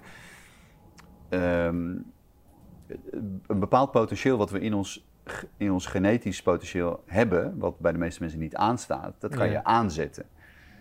Dus eigenlijk ons genetisch potentieel, als je even heel simpel zegt, wij hebben 12 strengen DNA, waarbij de gemiddelde mens er ongeveer drie gebruikt. Dus daar, hè, voor de, in de wetenschap wordt dat dan junk DNA genoemd, dan ga je niet weten wat het is. Ja. Maar daar zit dus daar zit ons potentieel om te ascenderen. Hè? Dus daar zit ons vermogen om helderziend te zijn, om telepathisch te zijn, om tussen dimensies te rijden. We kunnen dat allemaal als mensen, maar dat is een soort switchboard wat bij de meeste mensen uitstaat. Ja. En dus door omgevingsfactoren, door een beoefening, door hoe je eet, door hoe je met jezelf omgaat, met elkaar omgaat, kan je dus dat genetisch potentieel aanzetten. En dat betekent dus ook dat je je vermogen kunt ontwikkelen, letterlijk door training bijvoorbeeld, om in andere dimensies en tijdslijnen te zijn. Wat we bijvoorbeeld ook hebben met dromen, maar dan bijvoorbeeld bewust dromen. Dus visioenen zijn inkijkjes in eigenlijk andere kwantummogelijkheden, zou je kunnen zeggen. Mm. Die gewoon net zo echt zijn als deze realiteit waar wij nu in zitten. Ja, om, het want ik vind het echt te gek waar we het nou over hebben. Ik vind het super mooi. Ja. En ik, ik had, ik had- we waren van plan om die podcast heel toegankelijk te maken. Ja. Maar misschien kunnen we wel een toegankelijk voorbeeld geven. Ehm, weet je, wat ik merk in, in ja, 12 strengen DNA, ik weet niet waar dat dan vandaan komt. Misschien kan je daar straks ook wat meer over vertellen. Maar met voeding bijvoorbeeld merk ik dat zelf heel sterk. Ja. Als ik eh, bij de snackbar eten heb gehaald, Ja, ja. dan merk ik echt de, de dagen erna de impact ervan. Ja. Als ik echt licht eten heb gegeten, echt eh, ja, plant, plant-based, Ja. hele andere energie. Eh, is, is dat wat jij bedoelt ook? Ja, ja, zeker. Ja, gewoon heel letterlijk. Wat je tot je neemt, zeg maar. Ja. In termen van voeding. Nou, dat is natuurlijk het En- meest directe wat er is. En hoe je ademt? Hoe je ademt, met wie je omgaat, waar je je tijd aan besteedt. Wat je en heb je daar een lijstje van, hoe we die 12 DNA-strengen allemaal aan kunnen zetten? Ik weet niet hoe ze allemaal aangaan. Maar het is denk ik wel in de epigenetica, dus de studie zeg maar, over hoe genen werken, is het wel al duidelijk dat dat genetisch potentieel wat aanstaat bepaald wordt door onze omgeving. Dus dat is onze innerlijke omgeving. Mm. Ja, dus hoe gaan we eigenlijk met onszelf om? Precies wat je zegt. Wat is, hè, hoe schoon is ons systeem? Hoe energetisch is het? Wat stoppen we erin? Maar Ja. ook onze letterlijke omgeving. Hoeveel natuur hebben we om ons heen? Met wie gaan we om? Dat is allemaal informatie die bepaalt welk deel van degene aangaan of uitgaan. Zo letterlijk is het. Dat Kunnen is, we ze alle 12 daarmee aanzetten? Ik denk- nou ja, goed, ik, ik kan dat niet bevestigen, maar ik denk dat wel. Ik heb wel het vermoeden dat dat... ja, we zijn op zoek naar antwoorden, Juno. Dus, Ja, nou, ik heb niet, eh, daar heb ik niet het antwoord op. Eh, maar ik, ik, ik heb wel ergens het geloof dat wij als mens op die manier daar naartoe kunnen evolueren. ja. Nee, Misschien- dat geloof ik ook. Want ik geloof dat, ook, dat geloof ik wel. dat zie je aan mezelf. In die dagen dat ik dan zo ja, een verruimd bewustzijn heb, doordat ik Ja. in de natuur ben geweest met telefoon. Telefoon en zo'n scherm heeft ook echt een verlagende energie op mij, een beperkende energie. Totaal. Maar ik merk dat ik vanuit die dagen daarna komen weer hele andere dingen en ingevingen tot mij. Dus misschien hebben we dit gesprek over een jaar nog eens, als we hier... Ja, precies. en dan we dan, ja, hallo. Maar weet je, ik, ik, ik denk soms heel simpel. Hè. Ik denk dan gewoon, als ik gewoon naar de natuur kijk... en ik kijk bijvoorbeeld soms naar eh, gewoon de perfectie van de natuur... Mhm. En ook, weet je, dus stel even, ik vind dat gewoon een, een leuk spelletje om te denken, nou, ik zit op de stoel van de schepper. Mhm. En dan denk je van, nou, ik ga een realiteit creëren zoals de aarde en daar ga ik mensen op zetten. En die mensen die ga ik helemaal uitrusten om alles wat hier te ervaren is, te ervaren. Ja. Oké? Toch? Want dat is het idee. Je stuurt hier mensen naartoe en die, alles wat hier te beleven is, ga je beleven. Dan zou het in mijn idee gewoon heel weird zijn dat je die mensen niet van top tot teen zou uitrusten om alles wat hier dan te ervaren is, ook echt te ervaren. Ja, Dus als wij zeggen even 12 strengen DNA, misschien veel meer, weet ik niet, maar... Hoe kom je daarbij trouwens? Dat het Ja, 12 dat heb ik gelezen in hebt verschillende niet alles zelf geleerd, oké. Nee, nee. Maar stel, goed, 12, 15, doesn't matter. Mhm. Weet je, als een deel van het potentieel wat we kunnen ontwikkelen, dan denk ik ook echt dat we, weet je, als we daarmee uitgerust zijn, ja, dan is het voor mij ook heel logisch dat we dat dus kunnen gebruiken. En misschien moeten we nog ontdekken hoe we dat aanzetten. En ook daar heb je natuurlijk weer krachten in, want er zijn dus allerlei krachten, bewuste en onbewuste krachten, die ons DNA-potentieel verlagen. Mhm. Hè, die juist gericht zijn op het uitzetten van DNA-potentieel, waardoor we niet bewust zijn en niet dingen zien zoals ze zijn. Mhm. Dat is misschien het onlicht wat jij zegt. Hè? Dat is de agenda van het onlicht om ons juist de andere kant op te laten evolueren. En er zijn natuurlijk lichtkrachten die ons juist uitnodigen om te kijken van... hé hey joh, er zit nog een heel stuk in jou wat niet aan is. Maar er zijn allerlei manieren om dat aan te zetten. Ja, dit, de, de- wat ik zag met dat onlicht, dat vind ik wel heel interessant. Het probeert niks. Het, het grijpt alleen maar in op dingen die niet dienend zijn. En ik ben, ik ben christelijk opgevoed. En dat heb ik om mijn zestiende toch echt achter me gelaten. Omdat ik te veel gaten ervaarde en te veel vragen werden niet beantwoord. Ik vond het dogmatisch. En ook de sfeer en de energie in de kerk vond ik niet, niet kloppend voor mij. Maar eh, wat ik daarvan begreep, ook met zondagschool, categorisatie ging ik heen. Elke zondag, ja, echt de hele reut in mijn teut. hardcore. Dus je krijgt wel behoorlijk wat dingen mee. Maar wat ik begreep is dat eh, de rol van Satan, die was heel erg, nou ja, in een be- bewijsdrang bezig om aan de schepper, eh, de creator, God te laten zien dat de mens faalbaar is en dat de schepping niet perfect is, want de mens is tot allerlei slechte dingen in staat. Mm. Hè, dus even vanuit het onlicht vertalen. Satan laat zien dat dingen niet allemaal dienend zijn en dat mensen te kapen zijn. En Satan doet het dan even voor, maar mensen zouden dat ook onderling kunnen doen. Hè, Maar en- ja. Nee, ik hoor wat je zegt, maar ik, ik, kijk, ik probeer echt heel erg voor mezelf weg te blijven. Want zelfs door iets onlicht te noemen, hè, ook Mhm. daarvoor geldt natuurlijk, oké, onlicht, waar is dat onlicht van gemaakt? Van licht, van liefde. Dus het is. Het, het licht, de liefde, die zich manifesteert als onlicht. En de functie om, hè, om zeg maar vanuit het onlicht dan ons als mens te laten zien van wow, wij zijn echt tot donkere dingen in staat. Dat brengt ons eigenlijk weer terug op het punt waar we net over hadden. Wij doen dat ook. Wij zijn dat ook. Dus het Mhm. leven nodigt ons uit om naar die donkere kant te kijken. Te denken, wow, niet fijn en niet mooi, maar ja, dat is ook wie wij zijn.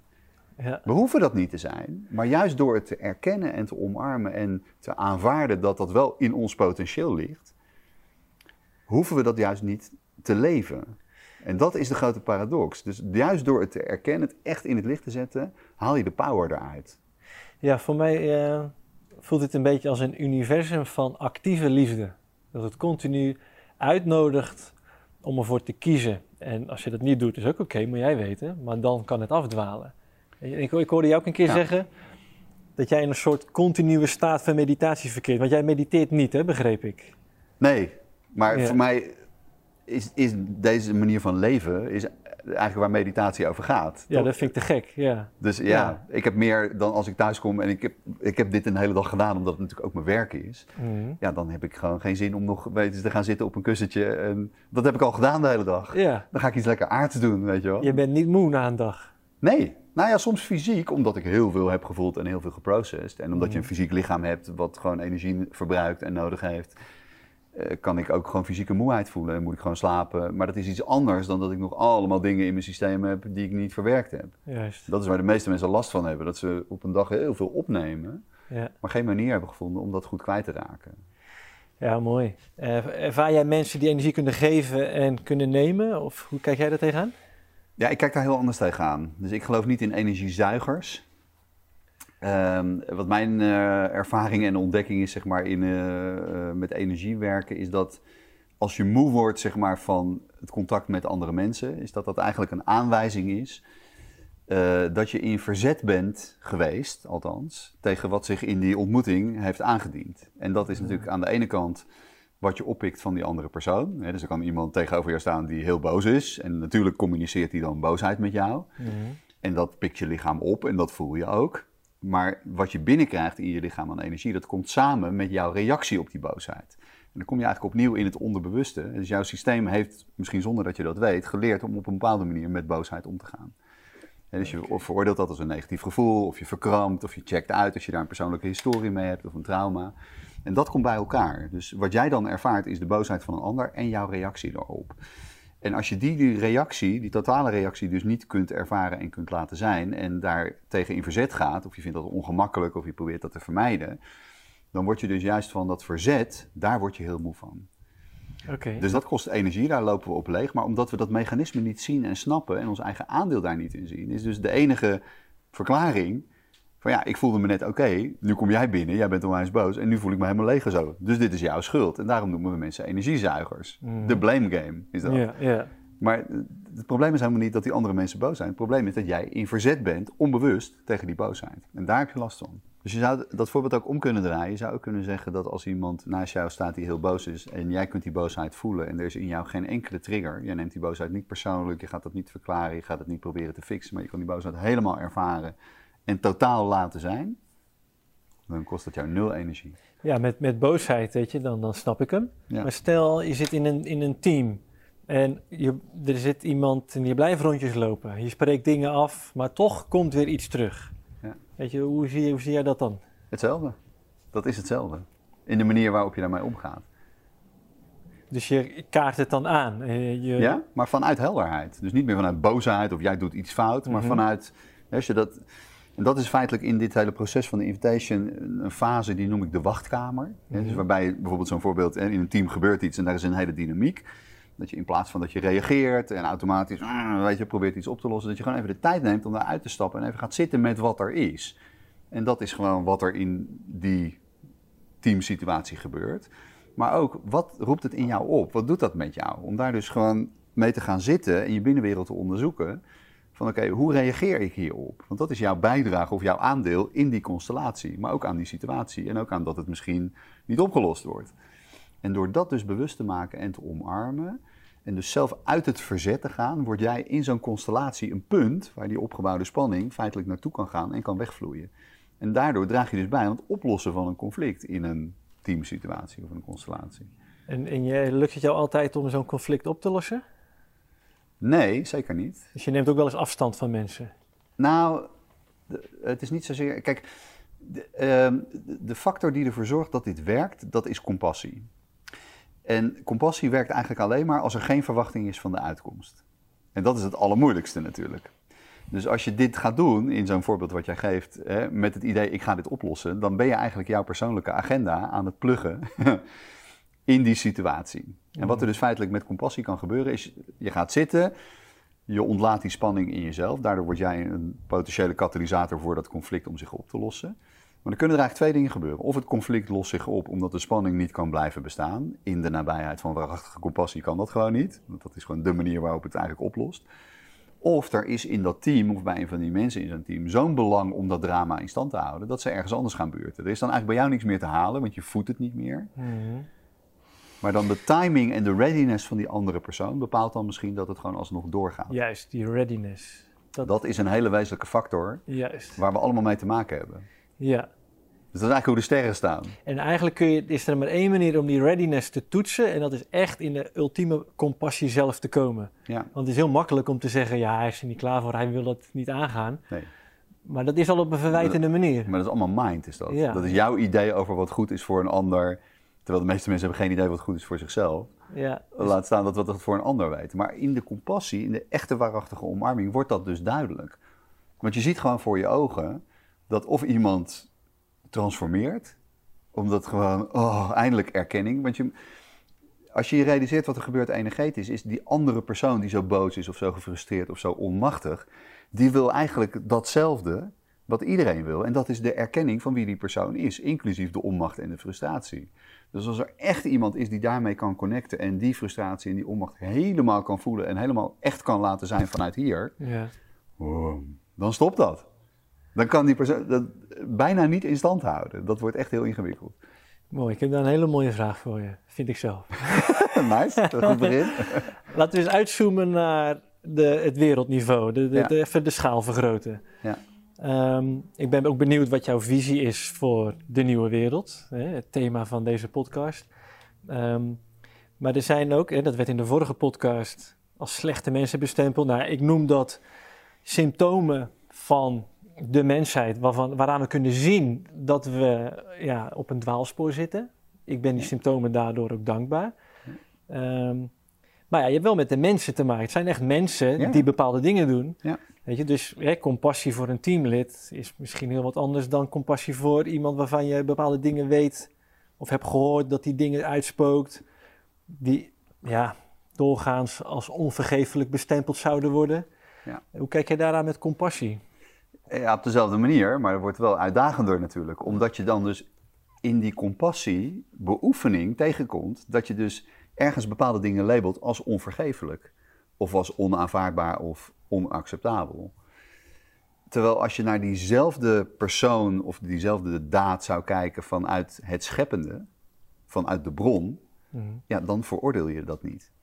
Die moet je nog een keer even uitleggen. Als jij, zeg maar, de schepper bent van het leven. Letterlijk bedoel ik dat dan, hè? Dus de source. En jij creëert alles. Alle facetten van het leven. Dat zijn jouw kinderen, zeg maar even. Zou je dan, zeg maar, een van die facetten veroordelen? Of zou je die ontwijken of ontkennen? Of eh, proberen te vermijden of jezelf tegen te beschermen? Nee. Nou ja, kijk, dat, dat doet me denken aan het visioen wat, wat ik heb gehad. Hè? En de ultieme liefde waar alles op gebaseerd is. Ja. Nou, dat geeft ultieme vrijheid. Ja. Daarmee kunnen mensen, wezens, alle kanten op. Ja. Ook afdwalen. Ja. Persoonlijk, ik heb zelf nog geen kinderen, maar heb ik wel het idee, het gevoel, als ik dat zou zien gebeuren in zo'n kleine situatie, om het dan maar iets begrijpelijk te maken. Dit is natuurlijk een schaal die onvoorstelbaar is, Ja. hè, vanuit de creator eh, gedacht. Maar ik kan me er wel iets bij voorstellen van pijn. Van, ah, wat jammer, ik hoop dat je thuis komt, ik hoop dat je ontdekt. Ja, maar dat is een heel belangrijk punt wat je aanhaalt. Want kijk, als je het over compassie hebt, op deze manier zoals wij het erover hebben, dan verwart de mind, die zeg maar dat hoort en interpreteert, eh, dat als onverschilligheid. Die vertaalt dat als onverschilligheid. Van als je iets omarmt, vind je alles oké. Dan maakt het niet meer uit. Dan stel je geen grenzen meer, dan ben je niet helder, dan neem je geen beslissingen, dan is er geen richting. Maar het tegenovergestelde is waar. Alleen als je vanuit compassie of vanuit flow of chi of energie een grens stelt, dan komt dat vanuit helderheid. Dus je kan nog steeds, als je iets helemaal omarmt, zeggen van luister, dit gedrag waarmee je iemand anders schaadt, dat is niet oké. Maar omdat je dus komt vanuit compassie, is het voor die ander tegen wie je dat vertelt ook helemaal helder. Die ziet dan op een natuurlijke manier van oké, ik beschadig iemand anders door mijn acties. Terwijl op het moment dat je zegt, ah, dat is fout, en je gaat iemand straffen, en je gaat iemand veroordelen en cancelen en in een hoek zetten, dan gebeurt natuurlijk energetisch het tegenovergestelde. Want feitelijk, in plaats van dat je aanvaardt van oké, dit hoort bij mens zijn, hè, dit is iets wat we kunnen doen, maar we willen dat niet doen. Maar hè, de enige manier om dat niet te doen is om het te begrijpen en te zien dat we het wel kunnen, maar door de spanning die erop komt, dat we het ook doen. Dat is de enige manier natuurlijk om mensen in te laten zien van, oh ja, wacht even. Ehm, dat, ja, ik denk dat dat de enige weg is om mensen die iets doen vanuit onbewustzijn duidelijk te maken van dit is not the way to go. Want je, schadigt, je beschadigt eigenlijk het grote geheel. Ja. Terwijl zolang we dus mensen vanuit oordeel, zeg maar, en ontkenning en afwijzing, hè, onacceptabel, onvergeeflijk, daar komt zoveel spanning op. Dat, dat, dat is natuurlijk het omgekeerde van erkenning. ja. En dat is, dat is voor, ons zo, voor ons mensen zo moeilijk om die twee dingen samen te brengen. Wat, wat betekent het om iets te erkennen of te omarmen of te aanvaarden vanuit de mind? Wat toch zoiets is van, oké, ik wil dat wel aanvaarden, maar dat dan niet meer. Mhm. Terwijl aanvaarding en erkenning en omarming vanuit het compassievolle hart is echt inclusief. Maar daar komt wel iets anders onder vandaan. Hè? Dus waar we het net over hadden, over de derde weg. Dus wat dan wel het logische is om te doen, of wat dan wel het inzicht is waar- waarbij mensen denken van oké, dit, dit moet ik niet meer doen, want dit is niet helend voor mij of voor mezelf.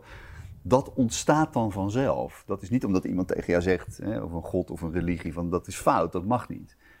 Dat is natuurlijk iets wat je ergens intuïtief al weet en voelt. Maar daar moet ruimte voor komen om dat, om dat inzicht in jouzelf te laten komen. Mhm.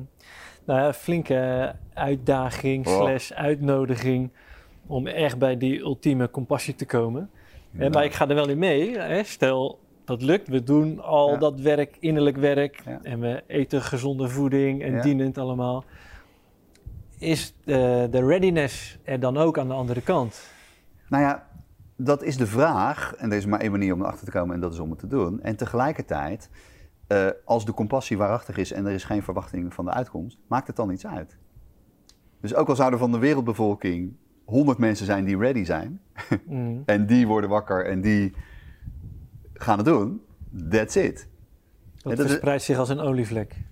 Ik denk dat massaal collectief ontwaken, dat dat een fantasy is. Ik geloof niet dat iedereen op hetzelfde punt is in zijn evolutie.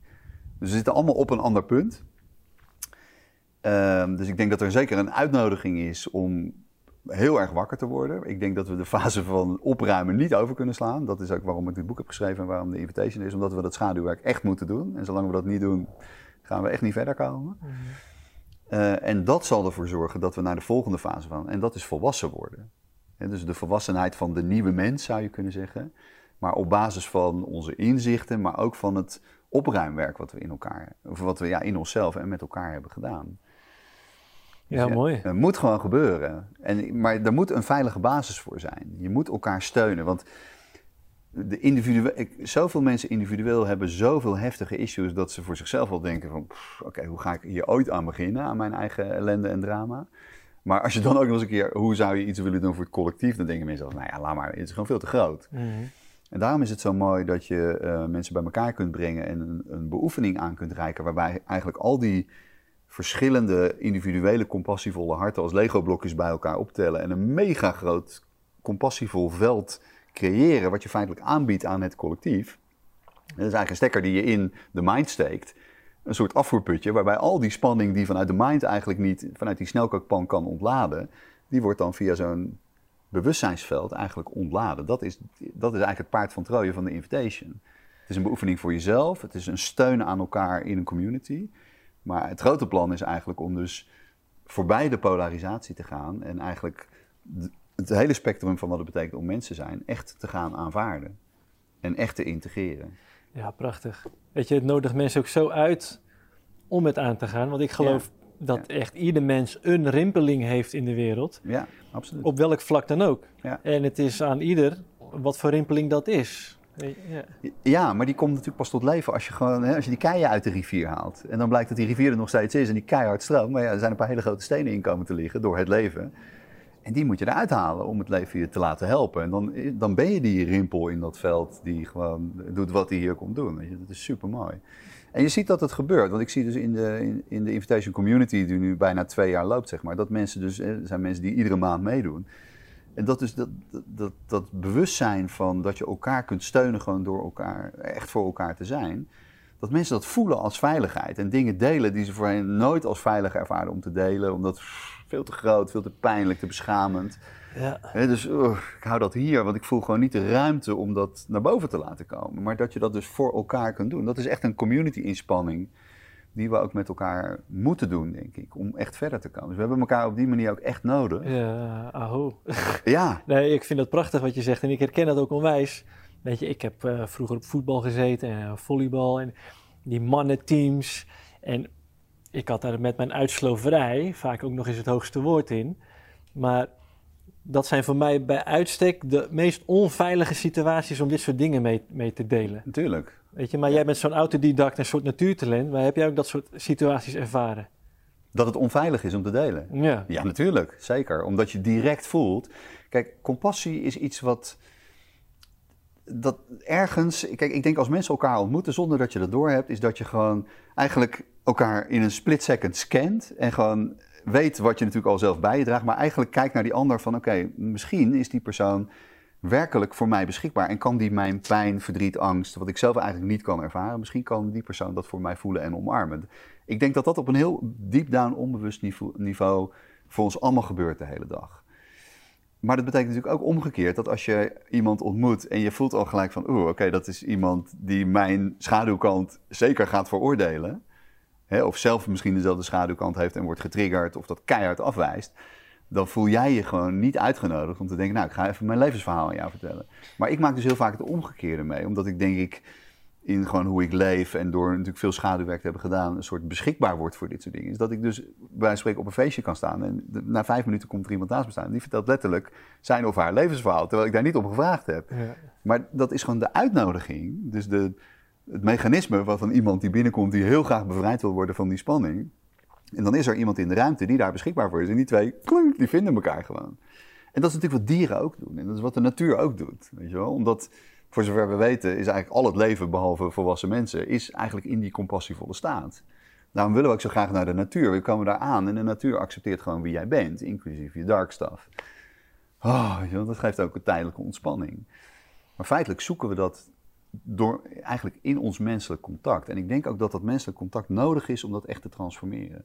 Dus dat de natuur ons daaraan herinnert, maar dat het mens zijn, dus een fysiek lichaam wat het vermogen heeft om iets te ervaren en te omarmen, dat dat de katalysator is in ons menselijk bestaan om elkaar te helpen, om elkaar te bevrijden van die schaduwkanten die we zelf nog niet kunnen omarmen. Ja, uh, we walk each other home, hoorde ik laatst.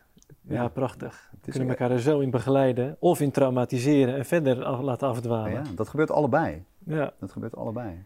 En ik vind het interessant met die teamsfeer, om daar nog op terug te komen. Eerder uh, gaf je aan die compassie en die readiness. Maar met zo'n team, nou, dat is zo'n overmacht. Weet je, als luisteraars dit ook horen nu, die zullen dat ook wel misschien herkennen van... Weet je, wat voor advies zou jij geven als er zo'n overmacht is en energie in zo'n situatie? Ja, je hebt het nu over een werksituatie, maar ik denk teams, dat zijn natuurlijk ook gezinnen. Het zijn eigenlijk ook teams of, of relaties. Kan je niet toch? zomaar van weglopen. Of je familiesysteem, dat is Ja. ook een team. Ja, ja. Ja, ik denk dat je twee dingen hebt die handig zijn om te herkennen. Eén is zeg maar de onbewuste programmering, je conditionering. Dus hoe het systeem, of je als individu in zo'n systeem hebt geleerd om om te gaan met die dynamiek. Dus dat zit gewoon in je rugzak. Dat is gewoon eh, ja, letterlijk programmering. En door hoe je met dingen omgaat, is er heel veel spanning, zeg maar. Dus we bouwen spanning of stress of toxische lading op in ons systeem door voortdurend onze ervaringswereld persoonlijk te willen nemen, te begrijpen, te willen oplossen. Dus wat er dan samenkomt in zo'n constellatie of een team, zoals jij dat noemt, is eigenlijk een mix van heel veel spanning. hè, Zo'n rode knop die je bij elkaar indrukt. En als die spanning heel groot is, boom, dan heb je een mega heftige triggerreactie. En wat er dan in die triggerreactie zichtbaar wordt, is hoe we allemaal eigenlijk op een tragische manier omgaan met wat we ervaren. Dus als die trigger onwijs heftig is, ja, dan word je helemaal overgenomen door die reactie. Dan ben je dat verdriet, dan ben je die boosheid op fysiologisch niveau. Je bent overspoeld door toxines, zeg maar, die gewoon jou de ervaring geven. Dat die boosheid die je voelt, die ben je ook echt. Nou, als je, als je zo heftig getriggerd wordt, dan zit er eigenlijk niks anders op dan de rit uit te zitten. Of iemand anders te vragen op jou in te tunen en dat die heftige dynamiek die je op dat moment voelt, al die spanning, voor jou te omarmen. Want dat is het mooie van compassie. Als het waarachtig is, compassie is universeel uitwisselbaar. Dus het maakt niet uit wie het omarmt. Dus het is niet omdat het jouw reactie is dat jij het moet omarmen. Omdat de waarachtige compassie komt vanuit een unified field. En daar zijn dingen onpersoonlijk. Dus als ik op jou intune en ik voel jouw spanning en ik voel jouw pijn en jouw verdriet en ik ben daar beschikbaar voor, ik kan dat werkelijk voelen en omarmen, dan help ik jou om de spanning die jij niet kwijt kan, via mij te ontladen. Wat je net zei over de rit uitzitten, hoe, ziet dat er precies uit? Nou ja, als je dus zeg maar heftig getriggerd wordt en je neemt dingen persoonlijk en je gaat helemaal in het verhaal, dan maken je hersens allerlei toxische stoffen aan die je dus echt op het niveau van je lichaam echt helemaal overtuigen dat je die reactie of die emotie of dat gevoel bent. Maar zolang je dus die ervaring blijft nou ja, personaliseren en helemaal in het verhaal gaat, blijf je dat toxische effect ook verlengen. Dus dat doe je echt omdat je daar gewoon zoveel energie in stopt, onbewust en vanuit reactie.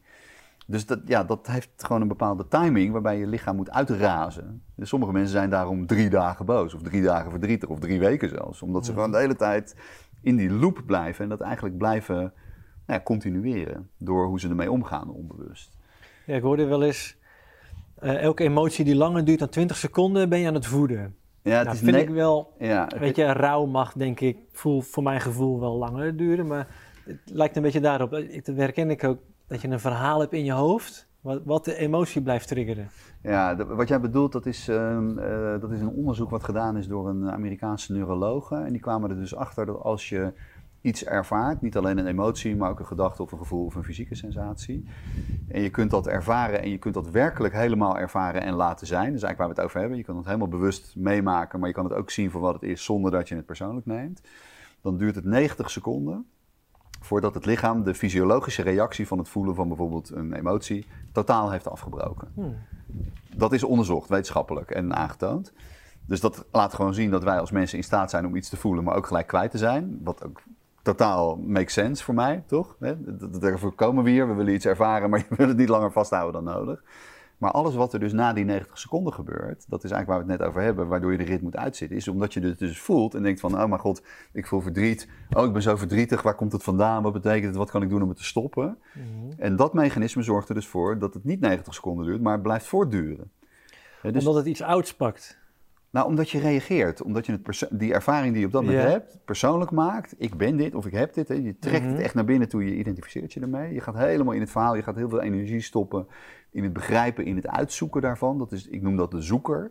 Dat is een bepaalde energie die je wegbrengt van de realisatie, dit is het al. En de belofte van die zoeker is dat als je het helemaal in kaart hebt gebracht, helemaal uitgedokterd hebt in alle levens waar het allemaal vandaan komt, dat je iets kan doen om het te fixen.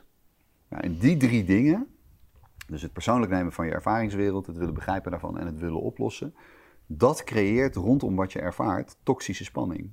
En dat is waar je last van hebt. Dus je hebt geen last van het voelen van bijvoorbeeld boosheid, want dat laat dat onderzoek eigenlijk zien. Als je die boosheid gewoon voelt en je neemt het niet persoonlijk, je gaat niet in het verhaal, je gaat het niet oplossen, dan wordt het gevoeld en dan is er een soort transparantie waarbij het gewoon door je heen beweegt, anderhalve minuut later klaar. Maar op het moment dat je het dus pakt en zegt: Dit is van mij, ik ga het helemaal uitzoeken en ik ga dit proberen te beheersen, dan creëer je dus een toxische spanning daaromheen, een energetische lading die je lichaam ervaart als stress. En dat creëert al die reacties waardoor het veel langer duurt dan nodig. En daar leid je eigenlijk aan. En waarom verschilt dit tussen mensen?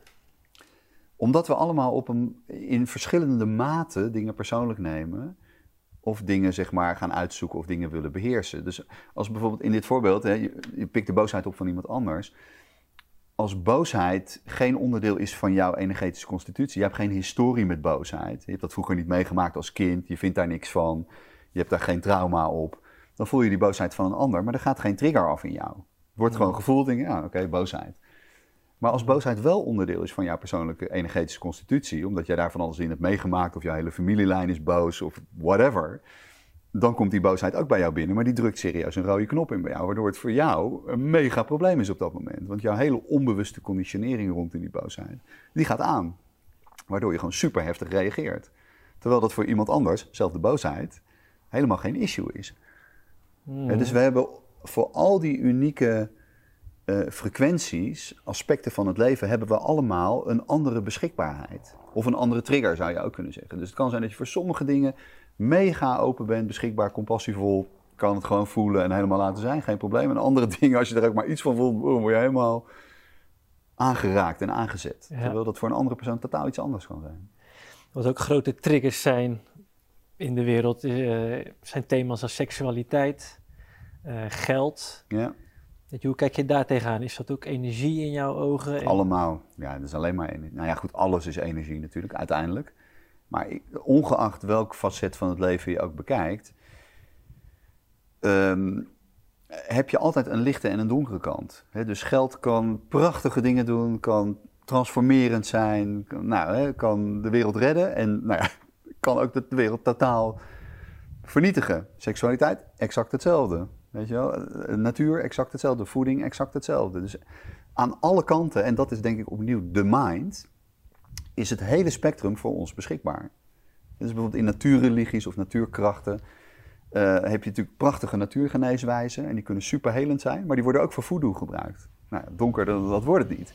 Dus, dus in dat, wat wij kunnen, het spectrum van mens zijn, waar we het eigenlijk net al een paar keer over hadden, al die dingen zijn voor ons beschikbaar. Hè? Dus geld, alles als je het ziet als een bepaalde vorm van energie, hoe zetten wij dat in? Maar hoe we dat inzetten, heeft natuurlijk te maken met wie wij zijn. Als ik control issues heb en ik heb een hoop geld, dan ga ik dat geld inzetten om mijn control issues te beschermen. Maar als ik geen control issues heb en ik heb heel veel geld en ik ben gewoon een mega weldoener, dan ga ik dat geld allemaal weggeven. Hetzelfde geld, totaal andere energie op basis van wie ik ben. En wie ik ben, dat is eigenlijk komen we terug bij het begin van het gesprek. Wie ben je? Ja. Dat bepaalt je vertrekpunt en je vertrekpunt van waaruit je in beweging komt, bepaalt de uitkomst. Dat is gewoon opnieuw creatie. Dus als er schaduwkanten zijn in jouw systeem, ja, dan ga je die ergens down the line ga je die tegenkomen. Omdat het leven jou in je buitenwereld en je binnenwereld gaat laten zien van, joh, je bent enerzijds een schepper van je eigen werkelijkheid, dat is waar het leven je voortdurend op attendeert. Elk moment, elke milliseconde is creatie. Maar tegelijkertijd, door wat er in je binnen- en buitenwereld verschijnt, helpt het leven je ook om je te attenderen op van, hé, hey, daar heb je misschien nog iets aan te kijken. Dus als je alleen maar verdrietige mensen of boze mensen in je leven tegenkomt, op een gegeven moment hoopt het leven dan dat het kwartje valt. En je denkt van, huh, alweer? Nog steeds? Weer diezelfde relatie, weer diezelfde issues, weer diezelfde baas. Er zit een boodschap in. Ja, mm. het leven helpt je om je eigenlijk ja, te bevrijden daarvan. Ja. ja, dat zijn voor mij ook een beetje die kiezelsteentjes, de, de, de hints uit het universum. Ja. Van ja, maar je mag het oppakken, of niet. Ja. En, en, en je creëert het zelf. Het is onvermijdelijk. Ja. Omdat je gewoon één groot scheppend wezen bent, kan natuurlijk die schaduwkant komt tot manifestatie, want dat is een creatieaspect. En je lichte kant, maar allebei tegelijkertijd. En de uitnodiging denk ik van het leven is voor ons om dat te verenigen met elkaar. Hey, hoe zie jij uh, de toekomst voor je? Heb jij een visie voor de toekomst? Niet echt. Dat dacht ik al. Nee, nee, die heb ik niet. Die vraag werd vroeger ook wel eens aan mij gesteld: van, ja, wat, hoe zie je jezelf over vijf jaar? Ik heb daar echt geen beeld bij. Ik heb er wel een gevoel bij, maar dat is meer op basis van ehm, hoe ik nu leef. En, maar dat gevoel is eigenlijk meer een gevoel van vertrouwen. Mhm. Dat eigenlijk alles gewoon precies gaat zoals het moet gaan. Maar zowel aan de lichte kant als aan de donkere kant. Dus als ik naar de wereld, de buitenwereld kijk en ik zie alle chaos en paniek en puinhoop die we met elkaar gecreëerd hebben, ik schrik daar niet van. Mhm. Voor mij is dat echt van, oké, dit is wie wij zijn. Ja. En dat is ook logisch, toch? Want als ik, ik gewoon naar mijn eigen leven kijk, schaduwstukken die ik heb gehad, of die er misschien nog steeds zijn, natuurlijk komen die in mijn leven tot uiting. En dat geldt voor ons allemaal individueel, maar dat geldt ook voor ons als collectief. Dus ik zie gewoon dat het zo in our face is, echt gewoon als een mega uitnodiging van het leven. Jongens, Ja. dit is hem. Ja.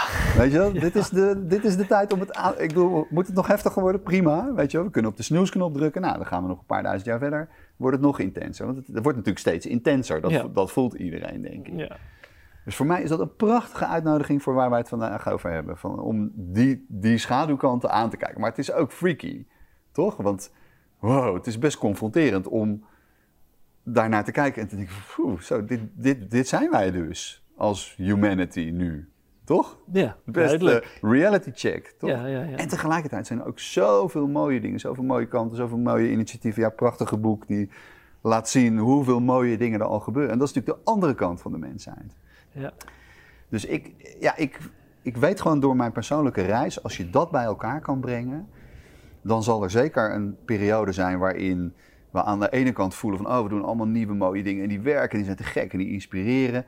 Maar we worden ook teruggefloten door de schaduwkanten die we nog niet omarmd hebben. En die twee dingen, dat zie je nu ook, die staan gewoon een tijdje naast elkaar. Dus we gaan tien stappen vooruit, maar we gaan ook negen stappen terug.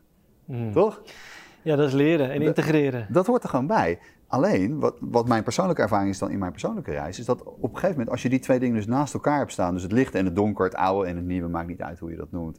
En je kunt ze dus allebei aanschouwen en herkennen en erkennen vanuit die source, vanuit het scheppende in jou. En met de gelijkmoedigheid, zeg maar, omarmen en dragen, is dat er dus eentje uit zal doven.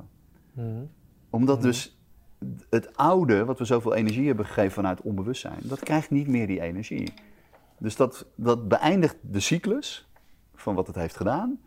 En dat krijgt zijn natuurlijke staat in de schepping en dat komt tot rust. Ja, het hebt de weg. Maar dat komt door de erkenning, niet door de afwijzing. Juist. En dat is de sleutel, denk ik. Dat we moeten dat schaduwstuk erkennen. Ja, en erkennen betekent niet goedkeuren. Hè? Niet van het is Mm, oké, we gaan mm. hiermee door. Maar de erkenning van oké, dit is ook een facet van het leven. Ja, nee, die voel ik. En, dat Ja. is, en, dat is, en daar komt iets uit. Daarom heb ik geen toekomstvisie. Omdat mijn. Ik heb zo vaak in mijn leven gehad dat ik op een bepaald punt was dat ik dacht van nou, het volgende wat er nu gaat gebeuren, de, de volgende shift zal dit en dit zijn. En het was nooit dat. het was nooit wat ik dacht. Dus mijn idee over wat de volgende stap in mijn leven zou zijn, was altijd iets anders. Dus ik ben eigenlijk daar, nou ja, weet je, voor mij is het meer iets wat zich zo in het moment ontvouwt en waar inmiddels zoveel vertrouwen op is, dat ik gewoon in plaats van een toekomstvisie ben ik gewoon eigenlijk gewoon nu aan het leven en is er gewoon een soort ervaring, kennis, wetenschap over van nou, dit gaat gewoon precies goed, Ja, zoals het moet gaan. En in de tussentijd ben ik natuurlijk wel een hele bewuste practice aan het doen in mezelf, om die schaduwkanten in mezelf te omarmen en mensen daarmee te ondersteunen met dit project. Ja, misschien heb je wel, eh, kun je wel een visie delen over hoe het erkennen eh, vers- kan versoepelen. Of hoe, men- hoe mensen dat kunnen doen. Want sommige dingen zijn zo heftig Ja, dat, dat mensen er echt van wegschrikken. Waaronder ik zelf lange tijd. totaal. Ja, maar, dat, maar dan heb je dus echt eh, een community nodig. Mhm. Dus dan, en daarvoor is eigenlijk de invitation als community project, wat overigens trouwens helemaal gratis is, ehm, eh, in het leven geroepen om elkaar dus te steunen in die stukken waar we zelf voelen van oh, te veel, te groot. Dus, ik bedoel, als je gewoon eh, van sommige mensen hoort wat ze meemaken of hebben gemaakt in hun leven, als ik het alleen al hoor, denk ik, mijn god, wat heftig, weet je. Hoe ga je dat ooit oplossen? In je eentje, toch? Dat is zo Mhm. bruut, heftig, gewelddadig, verschrikkelijk. Mhm. Dus daar hebben we elkaar echt nodig. Maar niet in eh, medelijden, maar echt in er echt voor elkaar zijn. En dat vraagt natuurlijk ook van de community iets om zich met jou te verbinden en jouw pijn, die jij hebt meegemaakt, in jouw hart te voelen Ja. en dat te kunnen dragen en te kunnen omarmen, maar echt oprecht. Mhm. Dus het echt, echt te houden, echt te voelen, zonder het te willen veranderen. En dat is de grote paradox van het compassievolle hart. Dat als het niet meer hoeft te veranderen, het wordt echt erkend en het kan echt bestaan zoals het nu is, dan verandert het. Ja, ik denk dat ik deze podcast zelf ook nog een paar keer terug ga kijken.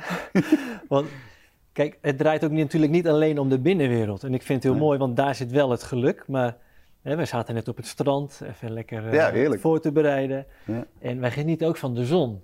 En we vinden het vervelend als die zon is afgedekt door chemtrails bijvoorbeeld. Tuurlijk. Weet je? Eh, dus ja, we vinden het ook prettig als die buitenwereld ook meegroeit, mooier wordt en, en de dieren fijner worden behandeld.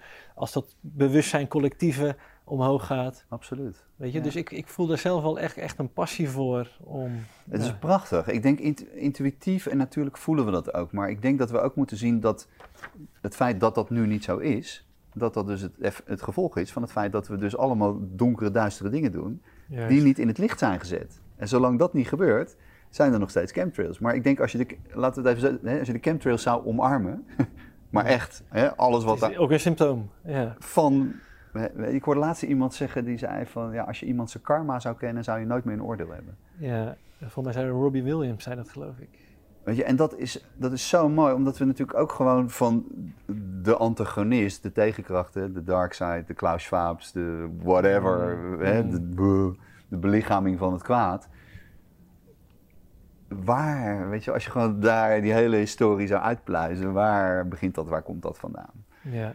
Weet je, ehm, en dat roept, ook, dat roept ook compassie op.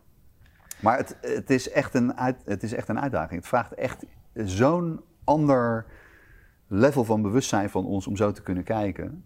Mm, mm. Dus dat, we moeten die shift maken van, eh, of naar het compassievolle hart. En ik denk dat dat eh, misschien ook een, eh, dat hoor je vaak de laatste tijd mensen zeggen, hè, van ja, de langste reis die je ooit zal maken is van het hoofd naar het hart. Maar ik denk dat dat niet klopt. Ik denk dat de reis die we te maken hebben is de reis van het hoofd en het hart.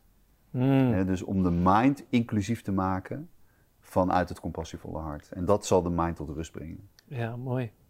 Ja, ik heb ook heel lang gezegd in mijn spiritueel ontwakend proces, om het maar zo'n term te geven, van eh, mijn naam is Ferdinand en niet ik ben Ferdinand. Weet je? Ja. Om die identificatie met dat lichaam en zeg maar alles los te maken, laten. Maar ik begin ook steeds meer te, worden, eh, te, te voelen van, nee, maar ik ben dit ook. Ik ben- dit is ook mijn ervaring, wat Ja. ik nu meemaak. Weet Ja. je? Dit is ook, gewoon- hoort er ook gewoon keihard bij.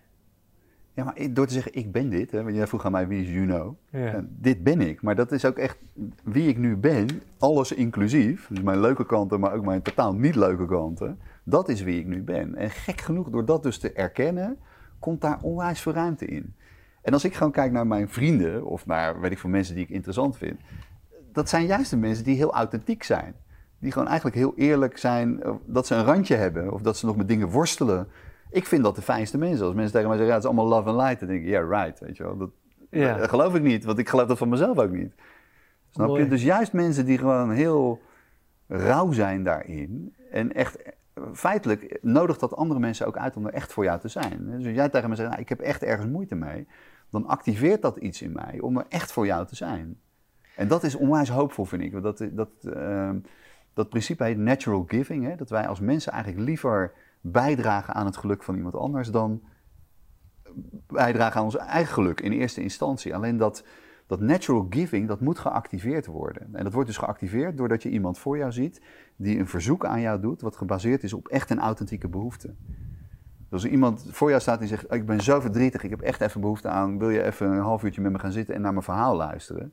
Dan zeg ik gelijk ja, want ik zie iemand die echt is. Mm. En ik lees jouw gevoel en jouw emoties en jouw behoeften. Dus dat zet mij aan om er voor jou te zijn. Nou, dat, weet je, dat is zo mooi dat wij dat allemaal hebben als mensen. Dat is zo hoopvol. Ja, ja, daar voel je ook de, de eenheid in. Ja. Gelijk, toch? Ja, Dat, ja. Dus dat hebben wij allemaal. Maar het moet allemaal geactiveerd worden. Net als dat compassievolle hart. Dat zit er allemaal. Het is allemaal innerlijke technologie die we allemaal hebben. Maar je moet het aanzetten. Ja, En dat heeft met bewustzijn te maken. En daar kunnen we gewoon voor elkaar heel veel doen. ja. ja, te gek. Ja, ik weet je, ik, ik kan wel door eh, blijven. ik vind het te gek, weet je. Maar misschien is het ook leuk om een andere keer eh, Ja. verder te kletsen. Kijken ik wat er gebeurt. echt... eh, Dat is een prachtig gesprek, toch? Ja, maar ik vind het ook zo mooi, omdat er, er komt zoveel uit. Weet je, Ja. we kunnen zoveel kanten op. En ja, lijkt me heel leuk om dat nog eens een keertje te gaan doen. Laten we kijken wat er gebeurt en hoe de reacties zijn. Misschien Ja. op bepaalde onderwerpen waar we het over kunnen hebben. Ja, heel leuk. Heb jij nog een boodschap die je aan de luisteraar wil meegeven? Nou, niet echt een boodschap, maar. ehm, ja, nou goed, weet je, ik noemde het net al even de, de ondertitel van dit boek. Als niets hoeft te veranderen, verandert alles. Dat is eigenlijk de uitnodiging die ik aan mensen eh, wil meegeven. Dus om te onderzoeken wat er gebeurt als je echt iets laat zijn wat er dan shift. En ik wil, ik wil eigenlijk alle mensen die dit gesprek horen en, en de resonantie voelen, zeg maar, eh, uitnodigen om mee te doen aan de invitation. Ik zei net al, het is een gratis community project. Blijft ook altijd gratis. Er is geen catch, er is geen reclame, helemaal niks. Het is echt een, een contributie aan de mensheid. En het mooie is, dat het is dus een drietrapsraket, want je doet de practice voor jezelf. Dus je knapt er zelf van op. Je wordt lichter, ruimer, harmonieuzer, compassievoller, liefdevoller. Dat is allemaal fijn. Je hebt een community waarin je gesteund wordt, maar waarbij je ook anderen steunt. Dus je bent ook echt van betekenis voor iemand anders. En je doet iets voor, de collectief, voor het collectief. Ja, ik kan mezelf gewoon niks betekenisvollers voorstellen om met je leven te doen. Dus dat, ik wil mensen echt heel graag uitnodigen om daaraan mee te doen, omdat het zo waardevol is voor jezelf en voor elkaar. Ja. Uh, dus ja, dat is mijn hoop en mijn wens. Weet je wat, je, wat je ook vertelde in het voorgesprek, weet je, de opbrengsten van, van jouw boek uh, geef je ook weg aan, aan, aan bepaalde doelen. Ja. Ja, dat vind ik ook gewoon heel mooi. Ja. Weet je, we hebben, zelf, we hebben natuurlijk wel een bepaalde zelfdragendheid nodig. Je hebt rekeningen te betalen. Maar, weet je, mijn ervaring is eigenlijk met de invitation, het was heel grappig toen ik daarmee begon. Hmm. Toen zeiden mensen tegen mij van ja, je bent gek, want als je een week aan de invitation meedoet, een gratis programma, dan zeggen mensen, er komt nooit meer iemand naar jouw workshops. Nou, dat is natuurlijk precies het tegenovergestelde. Niet dat ik het daarom doe, maar als je echt weggeeft vanuit echt gemeende compassie, echt willen bijdragen aan het collectief, dan wordt er aan de andere kant ook echt voor je gezorgd. Ik heb het gewoon nog nooit zo druk gehad in mijn kleine bedrijfje, mijn eenmanszaakje, sinds ik met de invitation ben begonnen. Ja, te gek. Dus weet je, er is een wederkerigheid zeg maar in. Als je echt weggeeft vanuit goede bedoelingen, ja. dan is er alleen maar overvloed. What goes around comes around. Dus ik kan iedereen uh, aanraden om zoveel mogelijk weg te geven vanuit de goede plek. Ja, inderdaad, vanuit de goede plek. Ja. Ja, supermooi. Ja. Dankjewel. Jij ook, man. Ik vond het echt heel mooi. Ik ook. Het, ging, uh, het ging echt, ja, ik, ik ga echt nog lachen in de auto om mijn vragenlijstje. ja, ik ben wel heel benieuwd wat erop stond. Ja. nee, maar dit, is, dit vind ik heerlijk, weet je. Gewoon kijken hoe het ontvouwt en wat er ook, ja, wat ik in het begin ook vertelde. Het mag zich organisch ontvouwen en niemand heeft alle antwoorden. We kunnen alleen maar kijken hoe het stroomt en ja, wat er uit de intuïtie naar voren komt. Deze tijd is zo goed voor dit soort onderwerpen. Dat mensen zo zien van, nou, dit is allemaal zo beperkt, er is zoveel meer. En doordat we het er gewoon over hebben, maak je het ook onderdeel van mensen hun bewustzijn. Dat is super belangrijk dat we het aangekaart hebben, weet je wel. Want je zet het gewoon op de kaart. Oh, oké, misschien ken ik dit niet, geloof ik het nog niet. Ja. Oh, maar het is wel nieuwe info. Als we het er niet over hebben, omdat we denken van, nou, we gaan het voor iedereen relaxed houden, ja. Ja, dan gooit het bewustzijn ook nooit. Ja, inderdaad. Dus het is prachtig. Ja, vanuit ons hoogste potentieel iets uh, bijdragen.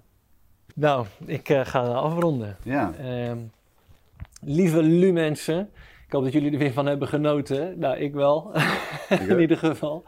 Nou, als je dit kan waarderen, deze, deze content uh, die we maken, ehm, abonneer je dan op dit kanaal. Dat kan ook op onze website www.tijdboeklumens.nl. Daar kun je ook uh, reacties achterlaten.